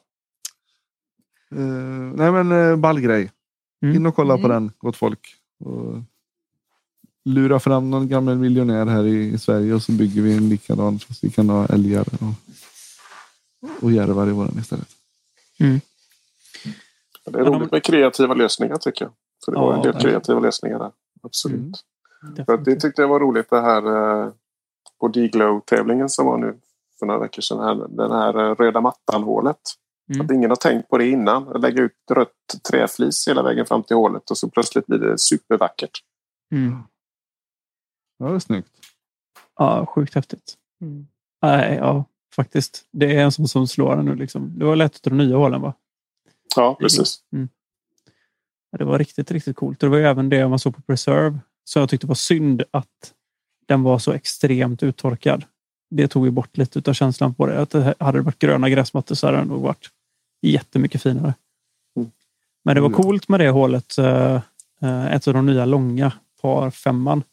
Där de hade lagt också röd träflis hela vägen upp i backen. Det tyckte jag också Mm. var ganska snyggt. Liksom. Absolut. Och där med apropå eh, rep och OB och sånt. Kaeli Viska han, han är ju väldigt mycket för att man ska helst inte ha så mycket OB utan att man ska göra det svårare på andra sätt. Och han, han har ju börjat lite med att istället för att ha OB-område så, så klipper han inte ruffen. Mm. Utan eh, hamnar du där ute där du, där du inte ska vara då, då får du en mycket svårare ansats istället. Precis. Mm. Styra in spelaren istället på, på det sättet. Ja, exakt. Mm. Så jag menar så länge man inte tappar bort sin eh, disk eller får leta för länge efter den så tycker jag ju att det är Mm. Jättespännande alternativ till, till OB att man har eh, rejäl ruff istället som gör det svårare. Mm. Mm. Det är ju lite mer åt bollgolfens håll. Så jobbar ju Vadbyparken i Köpenhamn. Det är där det är brännässlorna som tvingar dig att hålla dig på fairway. Mm. Annars är det inte roligt. Lite Ja. samma sak nu Anders i Lundsbrunn faktiskt. Våran Mm. nya hemmabana där. Som det ser Mm. ut i dagsläget. Jag tycker också att man kanske ska hålla sig från att klippa upp i ruffen. Att låta det vara Mm. liksom. Alltså fairway är det som... Ligger du där så ligger du bra. Kommer du in i skogen så ligger du i skiten liksom. Det gör det hela mycket roligare tycker jag. Mm. Mm. Ja, men det finns ju vissa banor som behöver, alltså han har, som, som Mm. Cale, han har ju tänkt efter lite mer det här året än vad det var förra året. För förra året då kände man ju typ bara, nej men ett dåligt kast ska inte belönas med att man kan bara lägga in den för bördig ändå. Det, det, är inte, ja, det tycker jag inte. Det blir ju jättetråkigt discgolf. Då kan ju vem som helst. Alltså, Mm. Du ska ju fortfarande bli belönad för att du gör ett Mm. bra kast. Eh, och gör du ett dåligt kast så ska det, ska det liksom straffa dig också. Eh, Men eh, det blir ju vissa banor kan ju ha tajta linjer, mycket skog och sen OB ändå. Så att blir du, Mm. du blir liksom dubbelstraffad. Mm. Jag ligger ute i skogen, jag har inte en linje överhuvudtaget, men ändå så går jag, då, då kastar jag liksom kast nummer tre istället för två. För att det är OB, helt, helt Mm. värdelöst. Ja, Mm. nej, jag håller med dig. Det, är, det blir inte... Det blir lite kaka på kaka kanske. Mm. Jag kan tycka att OB-linjer är bra om det är så att det måste till. Att du har en gångväg Mm. eller du har en parkeringsplats eller någonting och du, det går liksom inte att anlägga på något annat sätt. Då är det väl, eh, kan jag tycka, legitimt att göra det. Annars är jag ganska lite för det. Typ trippelmandos och sånt tycker jag inte heller om riktigt. När det konstlas till lite för mycket. Det är ganska tråkigt faktiskt. Det går att tvinga på så mycket andra sätt istället. Jag vet Ja. Ale var ju sjukt bra på det. Jag vet inte, hann du spela Ale någon gång Hanna? Nej, tyvärr Nej. inte. Uh, ska vi se, jag måste bara räkna vilket hål det är nu. Innan den här jättestora paviljongen som du hade uh, T-pad på. Anders, vad kan det bli? Måste vi ska vi räkna bakåt nu? Nio, Fem, åtta, sex. sju, ja fem eller sex tror jag. Där någonstans. Fem tror jag det. Då var det ju två grenar som Dan hade vävt ihop. Mm. eh, upp till. Så att istället för att göra liksom ett, ett trippelmando så hade han liksom vävt ihop två grenar som gick ihop uppe. Så du blir liksom tvingad att kasta för, för taket var så lågt. Mm. På, eh, det, var, det var snyggt. Då blir det inte heller Mm. liksom att man känner att det är så här tillkonstlat på något konstigt sätt. Utan, Eh, men om vi ska glida in lite på vad, man kan, vad ska man tänka på vid en eventuell anläggning av bana och så vidare. Vad, vad kan vara vad tycker du Johan? Vad är det som vad ska man tänka på när man är där? Du har ju ändå anlagt banor. Vad, vad är skönt att ha med sig från början till exempel? Eh, Jag tycker vi har pratat om en del av det redan innan här. Mm. Så att... Eh, eh, Vad utmärker en, eh, en bra discgolf eh, mark? Just det, vad, vad som man liksom sålla bort kan man ju också säga. Så vi har ju suttit i många möten med kommuner och titt, eller Mm. kommuner, kommunen eh, och tittat på område. Och, ja, man har ju en känsla för vad som skulle funka och inte. Framförallt Ja. vilka röjer kan jag tycka. Alltså är det så att det står röjning står på oss som det var eller om det står på kommunen. Så är det också, alltså, man kan säga det mesta som kommer in när det gäller kommun. Det är ju att pengar är ju det som styr oftast. Att de vill ju inte att det ska kosta alldeles mycket om inte de har utsatt liksom hur mycket pengar som helst för det. Mm. Eh, Men jag menar, då kan man också välja bort ställen där det är sankmark. Jättemycket att röja till exempel. Och man, absolut. vad sa du Johan? Ja, absolut. Och sen är det också liksom så här hur... Eh, jag vet att vi pratade lite om det här hur, om man är tio personer i en klubb till exempel och ska börja dra i någonting eller om man har liksom ett, ett arbetslag av 200 personer då går det betydligt fortare än vad det gör om man är liksom tio stycken stackare som ska dra i allting själv. Det, det blir svårt, tror jag.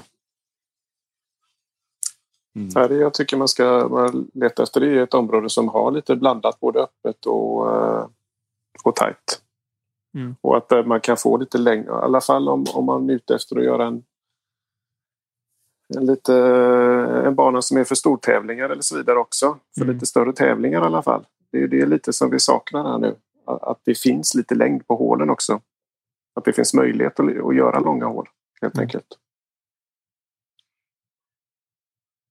Mm. Det, det känns ju kring- som att, nu kanske jag har helt fel och är ute och cyklar, men jag har fått en känsla av att i, alltså, många discgolfbanor ligger i parker.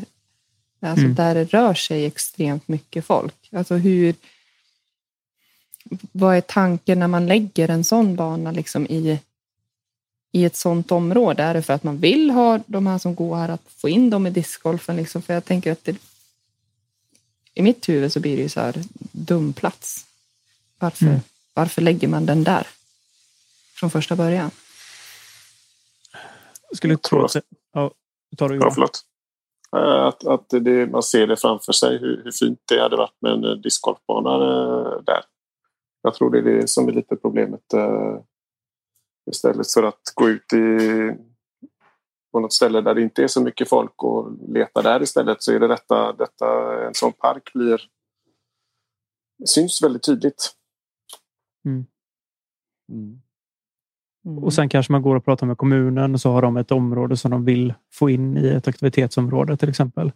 Då är det lätt för kommunen att lägga det på sådana ställen där de ändå är och kanske klipper gräsmattor från början. Och, och liksom, det är lätt anlagt på något sätt istället för att man, liksom, precis som Johan säger, att man letar efter ett ställe där det här hade varit bra att göra en discgolfbana. Liksom, Mm. och tänka till lite. Och. Det var väl lite det, om man säger sig, som jag vet när Jonas och de letade efter mark till Ale. Då var det ju liksom vissa kriterier som ska vara hyfsat nära storstan för att komma ut. Fast det får inte ligga för mycket i storstan för då kostar det alldeles för mycket pengar att anlägga banan. Mm. För liksom marken kostar för mycket pengar. Men sen också ha ögonen med sig från första början när du kommer dit. För jag vet ju hur Ale såg ut när de började. Det var ju, de har gjort så sjukt mycket. Liksom och mejslat ut en bana genom en, sko, ett skogsområde som de tänker att här passar det sig för att göra en eller två bra banor. Det är nog det man får med sig också från början tror jag. Jag känner att det, det finns ju... Eh, det är lätt att hitta ett område som är lite halvbra eh, för discgolf. Och, och, och kanske, man kanske inte behöver lägga ner så mycket arbete där. Det mesta är, känns lite halvfärdigt från början. Och man känner det att man kan komma till skott ganska snart. Och det är ju, det är ju bra på många sätt att man kan få igång en discgolfbana snabbt. Men det kanske ofta också hade det varit bra att hitta det perfekta området. Det tar lång tid och man kanske måste lägga ner mycket tid och mycket pengar på det här området. Men det finns potential i det här området och det kan bli någonting riktigt, riktigt bra. Mm. Om man bara får lite tid och kärlek och pengar på det här området så, så har det potential. Medan många andra områden som man hittar med en gång, de, de är väldigt begränsade och man kan inte göra så mycket mer med marken än vad som finns från början. Man blir låst och kan inte utvecklas. Själva banan. Det känns ju nästan som ett eh, steg två. Det där. Att När man har väckt intresset. Dels för att man har visat kommunen vad det är för någonting det här går ut på. Och att ja, men det är massor som är där och spelar men det är lite farligt för allmänheten. Eh, vi, behöver liksom, vi behöver en ny bana. Då kanske det blir så. Nästa steg att ja, men då, ja, nu har vi sett att det funkar. Det finns en förening. Och, eh, vi vill ta nästa steg och så lägger man lite krut på den och flyttar ut den någonstans där man kan vara lite mer fritt och satsa mer på den. Men det är, det är nog inte många som går ut och gör det i första skedet. Mm. Och Och sen är det ju det är ju trevligt om man kan hitta ett område också som är lite unikt på vissa ställen. Mm, precis, med lite höjdskillnader och några signaturhål är aldrig fel. Exakt. Mm. Mm. Mm. Vad tror du Hanna? Om det? Känns det som att det kan vara lite det som ligger i varför, folk, eller varför det är som det har varit? Tror jag. Ja, men det, det, jag håller med fullständigt och liksom med i tankarna. Men det, Mm. det blir ju så. Alltså, jag, jag inte som sagt jag har inte spelat så länge, men när man åker, som nu när vi åkte ut och hade en roadtrip och så tänkte vi ja, men vi stannar i Norrköping. Och då la jag ut också där att ja, men vilken bana ska man passa på att spela? Och då var det så här, nej men eh, den i, den i parken är typ omöjlig att spela på dagtid för det är så mycket folk. Mm.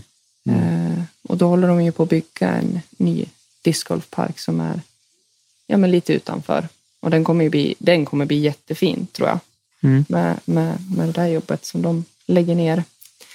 Och det de har gjort hittills. Men då, då, då börjar jag tänka, för att det är många banor när jag har varit ut.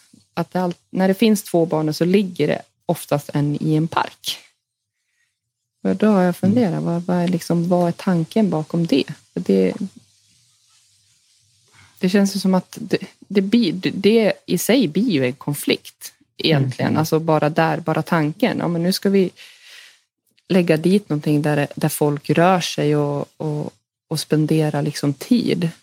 Då ska man Mm. skyffla undan dem. För, men samtidigt så ska man, nej men vi ska inte kasta om det är någon där, men man vill ju gärna att de flyttar på sig om man kommer. Mm. Så det blir lite motsägelsefullt. Mm.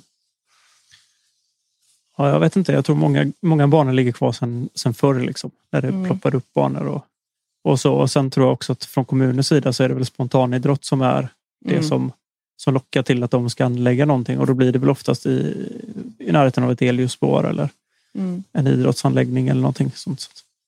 Ja, och, och som du säger Ted, att det klipps redan där. Mm. Mm. Då är det lite lättare att förhandla igenom Mm. och eh, få till en bana. Men jag tror ska vi få till en, en bra tävlingslayout eller en bra tävlingsbana så tror jag att det krävs en privat finansiör som, som går in och att det inte blir, alltså troligtvis kommer det bli en betalbana med, med någon som äger den. Eh, Lite så som Ale vart och Järva och att det är ett företag som går in. Alltså man startar företag och så driver den som ett företag. Då har du också möjligheten att, att göra så mycket mer, tror jag. Mm. Eller vad tror du Johan kring det? Och så är det ju. Jag ser inte att det är omöjligt att man kan lösa det eh, genom kommunen eh, på allmän mark så, men det, det blir mycket svårare såklart. Och det, man blir mer beroende av eh, donationer och så vidare. Mm. Att, eh, att folk som spelar på banan kanske donerar 20 spänn. Om alla gör det då, då kan man ju hålla bra underhåll på, på även en, en riktigt eh, en bana med hög klass. Eh, liksom underhålla den. Eh, men har man inga pengar alls utan det bara ska bli från allmänna medel då, då är det svårt att få en så bra tävlingsbana på kommunal mark. Så är det.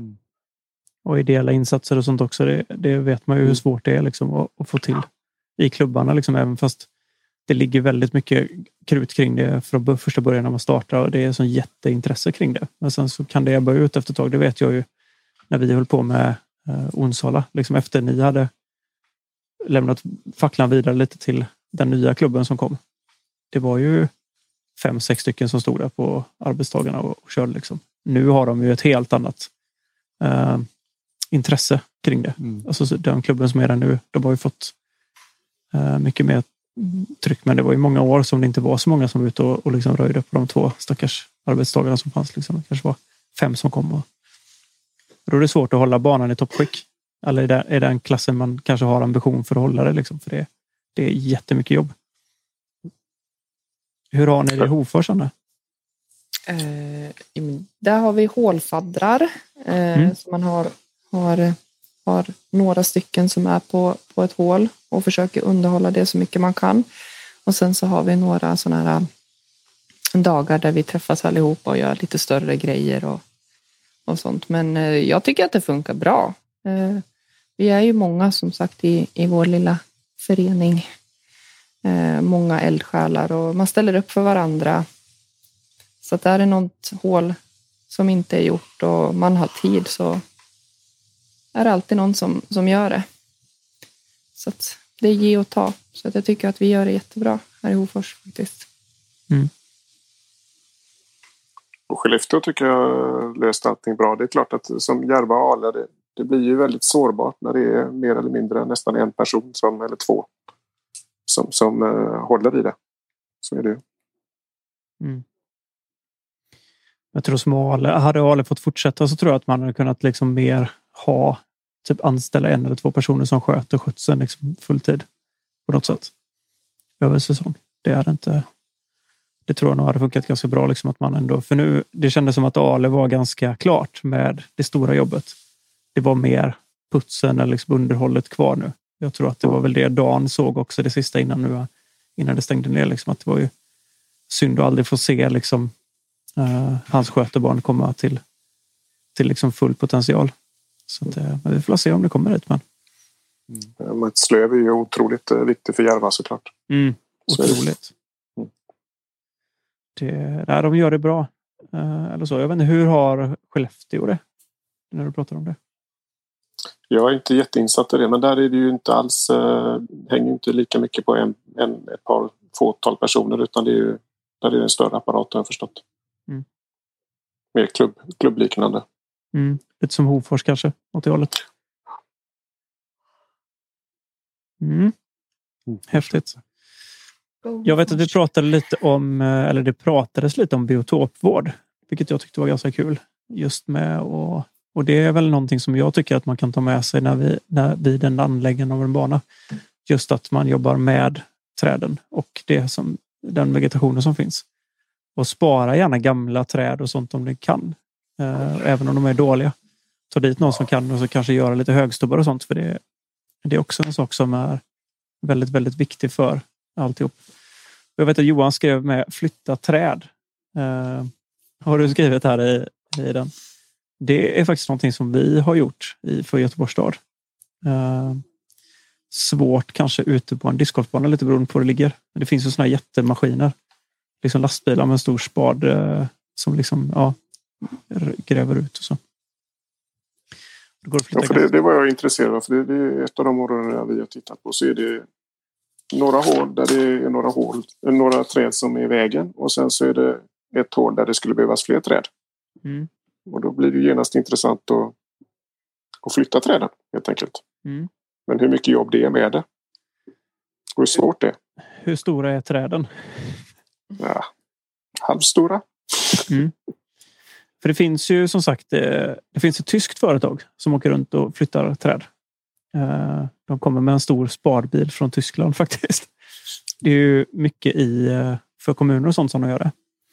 Men det är faktiskt fullt möjligt och jag vet att de flyttar. Ett av de största träden jag har sett dem flytta, det är en stor bok i Göteborg som är ganska nära uh, Fiskekyrka. De flyttade en, en jättebok. Jag tror den vägde 360 ton eller någonting när de flyttade den med rotklump och alltihop. Och då flyttade de den med en kran. alltså stor motviktskran. Dra åt fanders. Mm, de flyttade den 15 meter. 15 meter ja. Mm. Det tog en och en halv dag att flytta. Bara flytten tog en och en halv dag. Sen allt jobb innan tog längre tid kan jag säga. Mm. Nej, det var inte riktigt så stora träd jag tänkte på. Nej. Nej, men det var häftigt. Men det var som sagt med hela, med hela rotpaketet som de flyttade. Det var, det var riktigt, riktigt häftigt. Men igår, jag vet inte om de har flyttat, eh, du som bor i Göteborg Johan, alla träd längst eh, Rosenlund och det mm. har de flyttat också. De står Precis. nu ute i eh, vid Näs fabriker faktiskt. Jag körde förbi dem för inte alls länge sedan. De såg ändå rätt okej okay ut. Um, så det går ju att flytta. Um, jag kan säga, ska man flytta på liten skala eller för en, för en förening så skulle jag säga att uh, någonting upp till kanske 15 centimeter i diameter någonstans där är ganska lätt att flytta själv.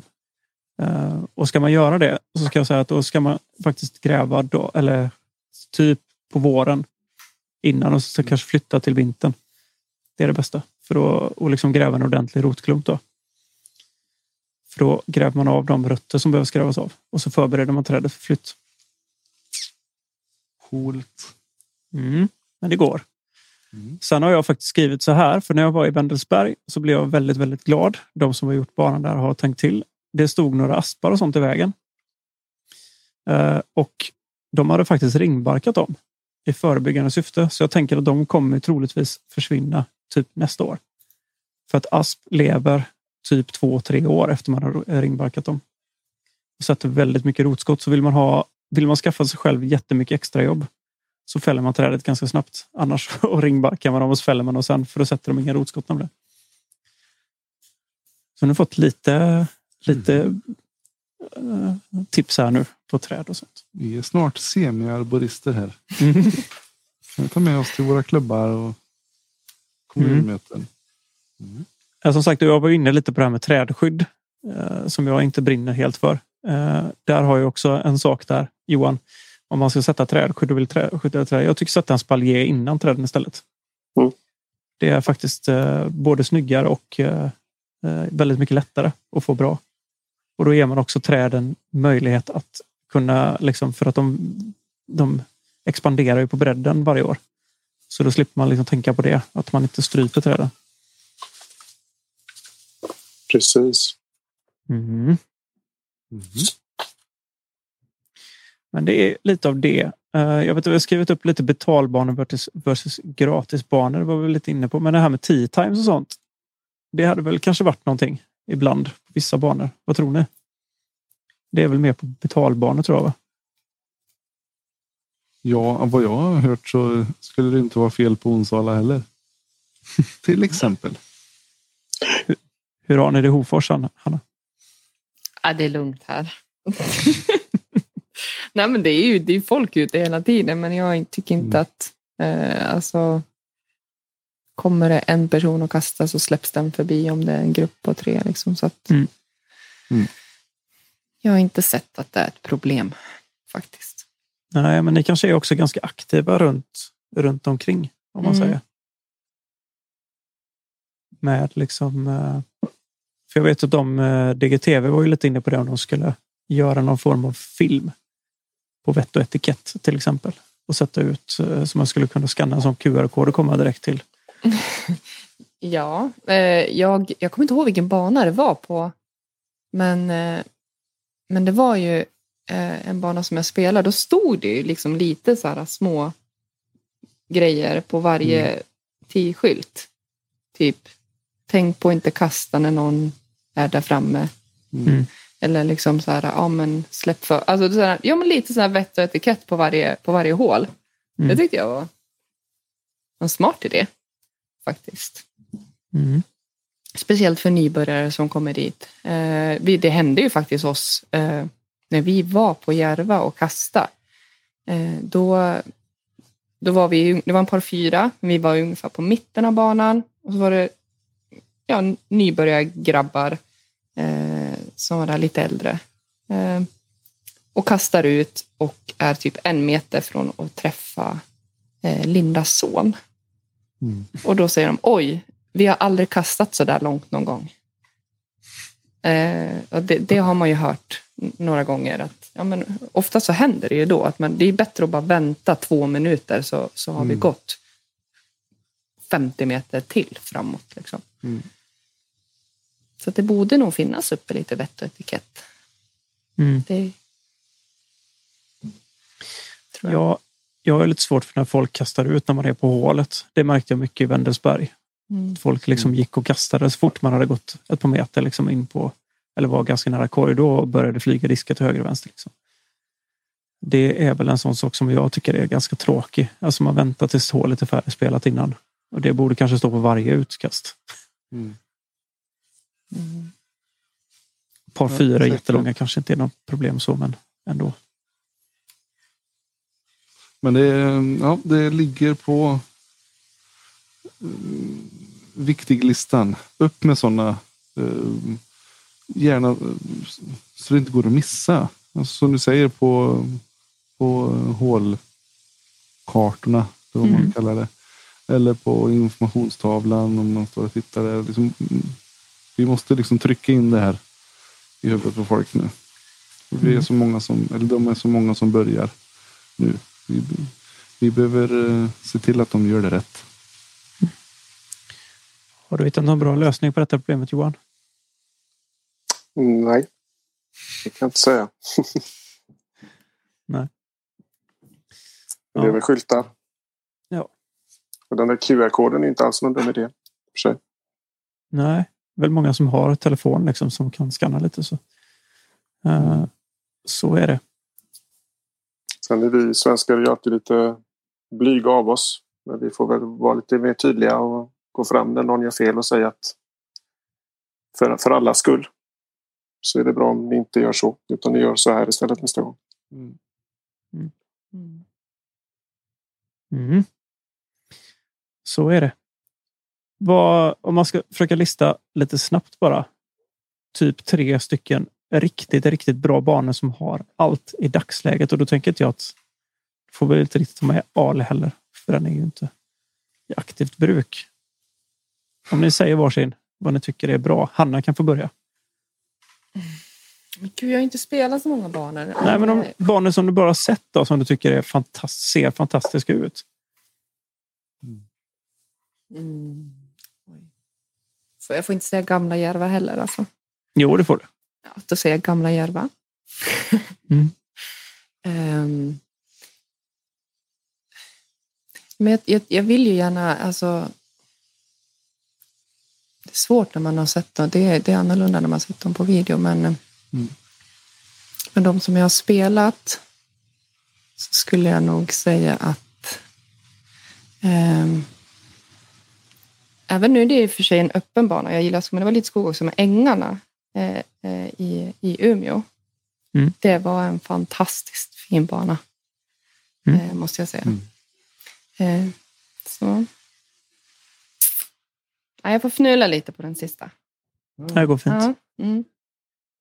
Jag är som dig. Jag har inte heller liksom betat av så många banor. Men ehm, alltså, kunde alla vara i lika bra topptrim som Falköping så hade det varit ett fantastiskt eh, klimat där ute på banfronten. Alltså hatten av för Falköping. Den är så fin. Och den har också många, många varianter att gå. För nybörjare och und so weiter. Men den går även att sätta dit lite proffs på med i provutförandet. Mm. Och den ligger fantastiskt fint där uppe på kullen på Mösseberg. Man eh, får se ut över slätta, Falköpings slätta. Ja, det är fint. Så det, dit får ni åka. Alla som har den inom mm, tre timmar bör åka dit och spela. Mm. Eh, I övrigt så låter jag det vara osagt. Jag inte ens får säga Ale då.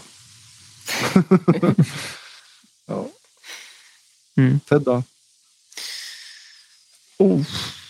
Ja, alltså jag hade ju helt klart velat sp- äh, spela Maple Hill, känner jag. Så du drog dit med en gång. Mm. Ja, vad, vad, vad annars? Så Northwood fina Black, toaletter på kanske? Maple Hill. Vad säger du?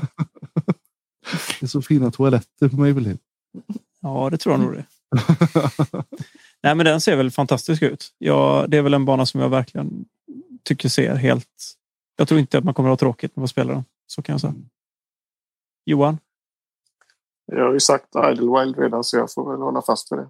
Mm. Sen så är det klart att, uh, att Jonesboro gillar jag också. Uh, jag gillar det här när det är hål på slutet av banan som, uh, som är väldigt utslagsgivande. Så att om man ligger lite efter så, så är det fortfarande inte avgjort. Mm. Och det tror jag också är en bra grej att tänka på när man lägger en bana. Att de sista hålen ska inte vara ja, att alla spelarna får samma resultat på dem. Utan, utan där ska man verkligen kunna köra lite risk and reward. Man ska kunna riskera lite för att vinna lite på slutet av banan. Så att, eh, så att man kan komma ikapp. Och förbi kanske till och med. Mm. Det är en väldigt viktig faktor. Mm. Ja, nej, jag håller med. Det är lite häftigt. Vad, om man ska prata utveckling framåt. Vad, vi har ju varit inne på en hel del grejer, men vart, vart om man så säga, har det ändrats någonting, vart vill vi att det ska gå? Nu kommer vi få European Pro Tour. Det tycker jag är ett, ett steg i helt rätt riktning. Och vad, vilka banor man ska spekulera som kommer gå där. Alltså Konopistri kanske är en sån bana. Känns ju... Tyni spelar de väl också Johan? Är det inte så? De spelar ju två banor i Finland. Mm. En i Norge, en i Sverige, en i Danmark eh, och en i Estland. var väl det första upplägget här. Mm. Och så ska de försöka utveckla det efter det. Mm. De kommer ju säkert dra sig neråt Tjeckien och Kroatien misstänker jag. Mm. The Beast är också en sån bana. Alltså Nokia Finland. Den är ju helt crazy. Mm. Den har också varit kul att spela tror jag. Faktiskt. Fast man har blivit helt uppäten utav den. Har du, den måste du ha sett Hanna va? Vilken då? The Beast, European Open. Oklart. Oklart. Mm. Det, det har du något att ta sikte på. Det är också en uh, icke-permanent bana tyvärr. Mm. Men den är ju fantastiskt fin. Det finns väl en bana där som ligger i Nokia Finland men som bara bygger ut Beast ut, utöver den. Om man säger. Vissa permanenta och vissa som inte är permanenta tror jag. Och sen har de ju så sjukt mycket åskådare på, uh, på de sista hålen där på The Beast. Att det Mm. finns inte. Jag vet inte om det är, vad är det, 3000, 4000 eller någonting som står och tittar på slutet där. Ja, vad gött han hade. Stå där och Ja. försöka lägga i sista putten. Ja, kan inte ens sätta en putt med. Ja, Jo, jo, jo.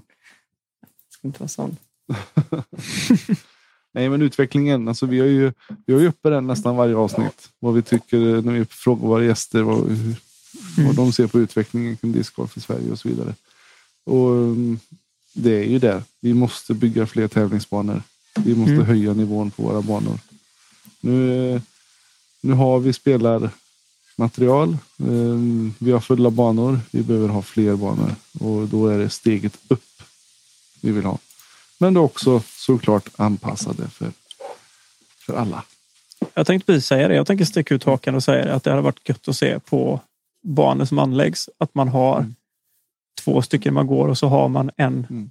en damspelare som får gå och tänka till och lägga en layout Mm. som passar damer på en väldigt bra nivå. Och någon från NPO. För det känns ju helt hål i huvudet egentligen att lägga samma. Ja. Eller vad säger du Hanna? Ja. ja, men alltså på vissa hål så funkar det ju. Mm. Eh, Ja. Men eh, inte på alla. Alltså det är, Nej, men att man går och har en bra dialog emellan. Liksom. Hur, ja, ja, det hade ju varit det bästa egentligen. Mm. Mm. Det hade varit helt sjukt häftigt. En sån, ja, undrar när det kommer. Jag hoppas att det inte dröjer länge. Det hade varit gött. Kanske nästa SM, Hanna, nu. Ja, det hoppas jag väl. Om vi har tryckt på lite tillräckligt mycket. Mm, mm, mm. Mm. Vi får se vad som händer. Ja, Och sen även, det har vi inte pratat jättemycket om, men att det är både för högerränta och vänsterränta. Lika Mhm. villkor. Ja, vi glömmer allting annat. Vänsterränta är ju liksom en minoritet. De har ingenting att säga till om. Nej. Nej, då. Nej, men det är faktiskt eh, det var en grej som jag tänkte på lite nu när vi stod och eh, tog upp faktiskt bandesignen på våran tilltänkta bana här uppe i Lidköping. Det var att ta med Henke Johansson Mm. Och få, och få liksom från en vänsterhänt eh, toppspelare och se liksom vad, hur kan vi anpassa hålen så att det inte liksom blir en högerhänt som tänker vänsterhål. Mm. För det är liksom som Henke säger, en forehand det är inte samma sak som ett vänsterhandkast, en backhandkast. Det är inte det. Nej, det är det inte. Mm. När, har vi, när har vi en vänsterhänt på podiumet? Ja, Vilka har vi? Reed Friskera är väl vänsterhänt va? Är det inte det? Och så Chris Clemens va? Nathan Quinn. Mm. mm. Henke Johansen. Ja, Sticker ut hakan och bara säger att Henke kommer. Jajamän. Ja, det här är kul. Mm. Mm. Vi ställde lite frågor till våra lyssnare. Och eh, ja, Hanna, vad fick vi för input från lyssnarna? Kan inte du ta den om du känner för det? Jo, men, nej, men de, majoriteten tyckte ju det som, som vi pratar om också, att det ska vara utmanande. Eh, det ska vara öppna hål och det ska finnas utmaningar. Och prata också om att det ska finnas möjligheter eh, för alla att spela på olika tis. Eh, och att man tänker på naturen. Eh, det ska vara välskött och svårigheten ska inte vara avgörande utan det ska liksom utmana oss på andra sätt. Eh, det, det, det är jättemånga som pratar om, om tid, liksom, att de får inte vara för små. Eh, och att det finns en tanke bakom liksom, vart korgen sitter också. Eh, och sen säger de också att det är eh, bonus med det vi pratar om. Kiosk, café, toaletter, parkering, eh, en shop. Alltså det, det är bara så här bonusgrejer. Men Mm. eh, overall så är det, det är ju det här vi pratar om. Eh, Mm. som, som vi alla, eller vi som sitter här i alla fall, tycker. Variation på hålen och omgivningen och svårighetsgraden. Mm. Det var intressant faktiskt att läsa det. All, all feedback vi fick till oss. Mm. Att det var liksom väldigt över... Alltså, vi, var väldigt överens med typ alla om typ de flesta grejerna. Precis Mm. det som alla, alla tänker kring. Men då är det också Mm. lite konstigt. Vad, hur, hur kommer det sig att alla barnen ser så olika ut? Mm. Tänker man. Men det är väl också just förutsättningar för att anlägga banan som är Mm. den stora liksom, svårigheten i det. Men jag tycker en grej som slår mig kring det som vi fick till oss, det är tankar kring korgplacering. Det är en sån sak som jag har tänkt på mycket också. Liksom hur kan man, som jag har hört folk prata om, hur kan man göra hålet svårt, naturligt? Liksom hur kan man tvinga vissa typer av kast genom att sätta korgen på vissa ställen? Mm. Att det inte alltid är en öppen grin som du går till. Utan att det Mm. kanske är stängt på ena sidan till exempel. Så att du tar bort ett fårankast eller vad som helst.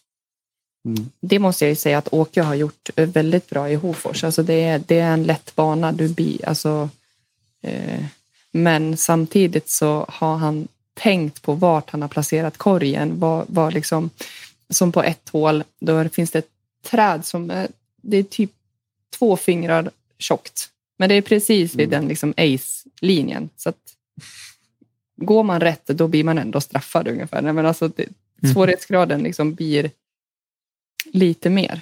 Eh, placerat ett, ett hål liksom emellan massa, massa björkar. Eh, tänker liksom vart finns busken? Eh, olika linjer där, bara för att försvåra. Mm. Lite till, eh, men ändå öppet. Så det, de har tänkt, han har tänkt till verkligen vart korgarna står någonstans. tycker jag är bra. Redig pojk. Ja, han kan. Ja, men det är, alltså varje decimeter spelar ju roll. Det är Mm. det som är grejen. Och, ehm, känner man att eh, fasen, det här blir inte riktigt rätt. Man gräver upp och så flyttar man lite grann. Eh, Och prova igen. Så det, Mm. det är A och O. Mm. Eller sätta korgen i en slänt eller på en Ja. kulle eller så vidare. Mm. Sen får det inte bli eh, pajas av det hela. Som det blir ibland. Med hängande, hängande korgar från grenar och sånt till exempel. Eller eh, korgar som sitter uppe på eh, höjd 1,80 eller någonting. Eller Mm. sitter inne i grottor och så vidare som jag har sett. Mm. Ja, den är rolig. Ja, och det är också en sån sak som, som slår mig ganska mycket när man gör upphöjda. För det går ju lite inflation i alltså, upphöjda korgar just nu. Mm.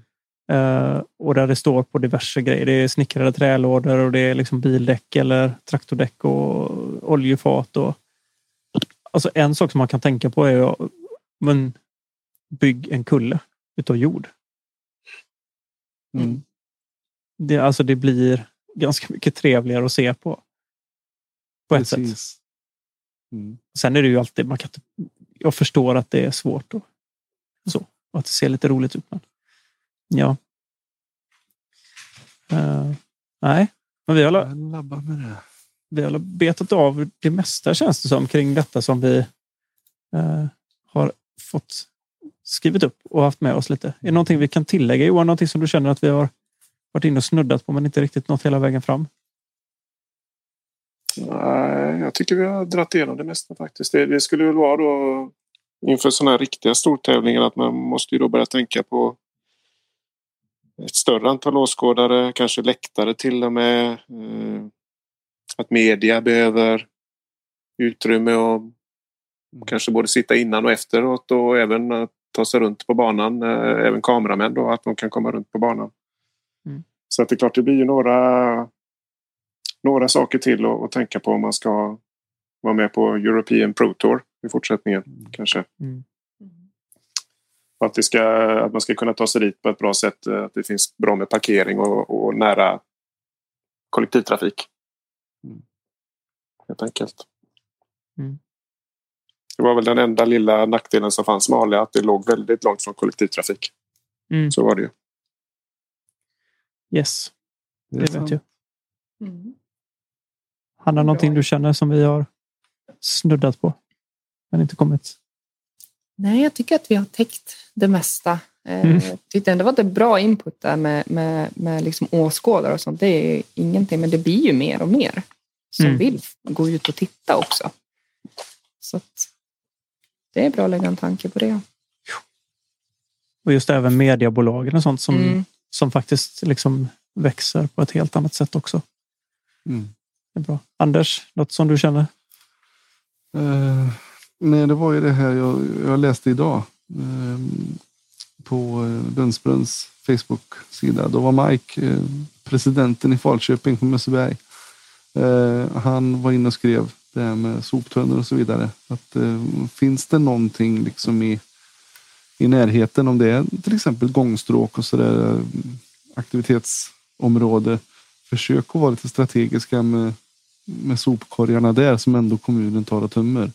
För som man sätta ut sopkorgar på mm, var fjärde utkast. Så det är ändå någonting som måste tömmas. Ehm, och försök att ta med skräpet hem istället då, kanske. Det är det bästa. Mm. Ehm, nej, Just soptunnor vet jag att Onsala haft jätteproblem med innan. mm. Det var typ soptunnor på nästan alla hål. Och de Mm, det- typ aldrig. Så nu är det väl två Nej. tror jag. Hål Exakt, 1 och och det- hål 9 liksom. Som Och kommunen tummar. Och det var det som Mike bemötte lite för det var några som skrev att eh, kan man ha soptunnor lite överallt och då sa han eh, historiskt och vad hans erfarenhet säger så är det svårt att eh, ha sådana enbart för discgolfbanan för de måste tömmas. Eh, utan då finns det någonting man kan labba lite med i närheten så Mm. kan det vara värt att kolla på det. Ja, och sen tänker jag så här, på det där med skräp. Eh, Mm. man, har man fått dit det till banan så är det ju inte jättesvårt att få hem det heller. Nej. Det är jättekonstigt hur mycket liksom, eh, ölburkar och snusdosor och alltså det, ja, man kan hitta allt på discgolfbanan. Och jag tänker så här, har man tagit dit det då får man faktiskt se till att ta hem det också. Mm. Så svårt kan det inte vara.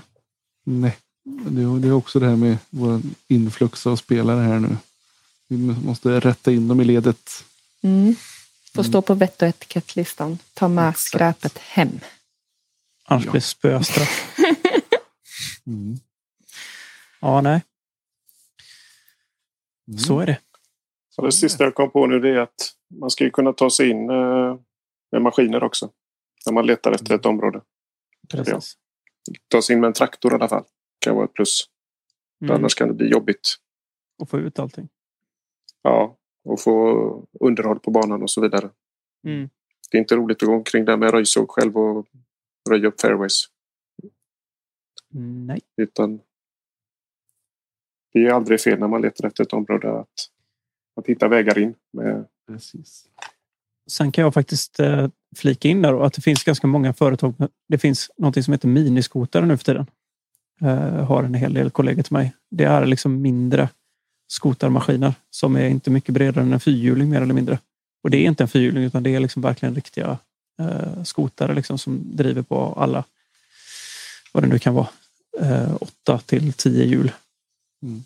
Med diff liksom som har kran och timmerkärra. Så det är också en sån sak. När bara det finns någon form av väg in så går det oftast att lösa. Liksom. Och jag tror för folk som vill anlägga en bana så kolla runt lite i närområdet vad, vad det finns för olika eh, folk som håller på med skog och trädfällning och sånt. De känner oftast någon som känner någon. Mm. Ja, Sen finns det larvdrivna eh, flistuggar också. Det är rätt fräsigt. Oh. Så man kan köra ut och flisa allting på plats.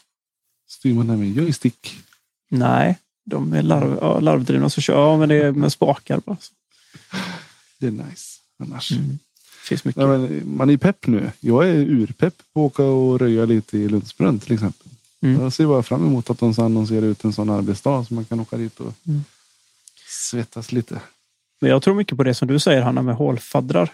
Det är Mm. någonting som jag tycker, det vet jag det har funnits i Onsala också. Det är jättebra att några är liksom ansvariga för vissa hål. Det brukar oftast bli gjort då. Ja. Mm. ja, men man behöver inte vara en person. Man kan ju vara fem personer på ett Mm. hål också. Alltså, då Ja. klipper man liksom. Om nu har jag klippt, om det är en bra sommar och det regnar och sol och sånt, det växer mycket. Ja, men max en gång var femte vecka kommer jag behöva Mm. klippa det här hålet. Det är ingenting. Jag spelar ju ändå där var och varannan dag. Vad har ni för maskinpark i, i Hofors?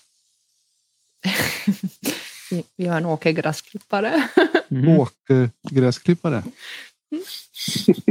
Om, nu får det sluta. Om, ja, jag vet inte vad vi har mer. Ja, men lite trimmer och, och sådana Ja. saker kanske. Ja. Mm. Det är mest klippa gräs. Ja, Det har ju sjukt bra recensioner på, på Google. Om man kollar på. Hofors discgolfbana. Mm, jag säger det. Vi ska komma upp och spela. Det är stekhet. Mhm. Det blir gött. jag menar man kan få ihop kanske 200 personer till att, till att röja i ordning en bana i, i den första fasen när man sätter igång det. En arbetsdag, liksom 200 personer och det är 10 på varje hål. Då, eh, förhoppningsvis en, en, eh, en ansvarskänsla och en eh, positiv känsla för det hålet som de anlade. Mm. Om man delar ut 10 personer på varje hål. Precis. Jag håller med dig. Det hade ju varit det absolut bästa. Jag vet inte, Anders, vad tror du? Hur, om man säger nu som om inte kommunen skulle röja upp någonting på Lundsbrunn. Mm. Så att man hade varit där 60 personer. Så Mm. hade man kunnat riva av det där ganska snabbt också. Då visslar det på. Mm. Gör det. För det, var inte, det är inte kris någonstans, men det behöver plockas och fixas lite. Mm. Det, är- det är nog löst snart. Och jag läste nu att det var ju så att eh, banan är inte överlämnad till föreningen än. Utan Nej. eh, de, kommunen har några åtaganden kvar att röja lite. Och, innan de lämnar över nycklarna till föreningen. Hur många är ni i er klubb, Hanna? Mm, jag vet faktiskt inte exakt antal, men jag tror att vi är runt 200. Kanske över 200 till och med. Det är bra. Ja, alltså vi... Ja, jag vet. Men är det många som kommer eh, utom Socknes också eller? Mm, ja, men jag tycker att det har, blivit, ja, men det har blivit mycket mer när man ser att man möter folk på banan och det är första gången de är där. Ehm, så att, ja, den, och den blir uppskattad av de, de som kommer dit också. Mm. Det, det är en fin bana. Kul. Mm. Yes. Ja, men eh, det känns väl lite som att vi är i hamn med det vi vill ha sagt, eller? Mm. Vad tycker ni? Mm, Absolut. tycker jag.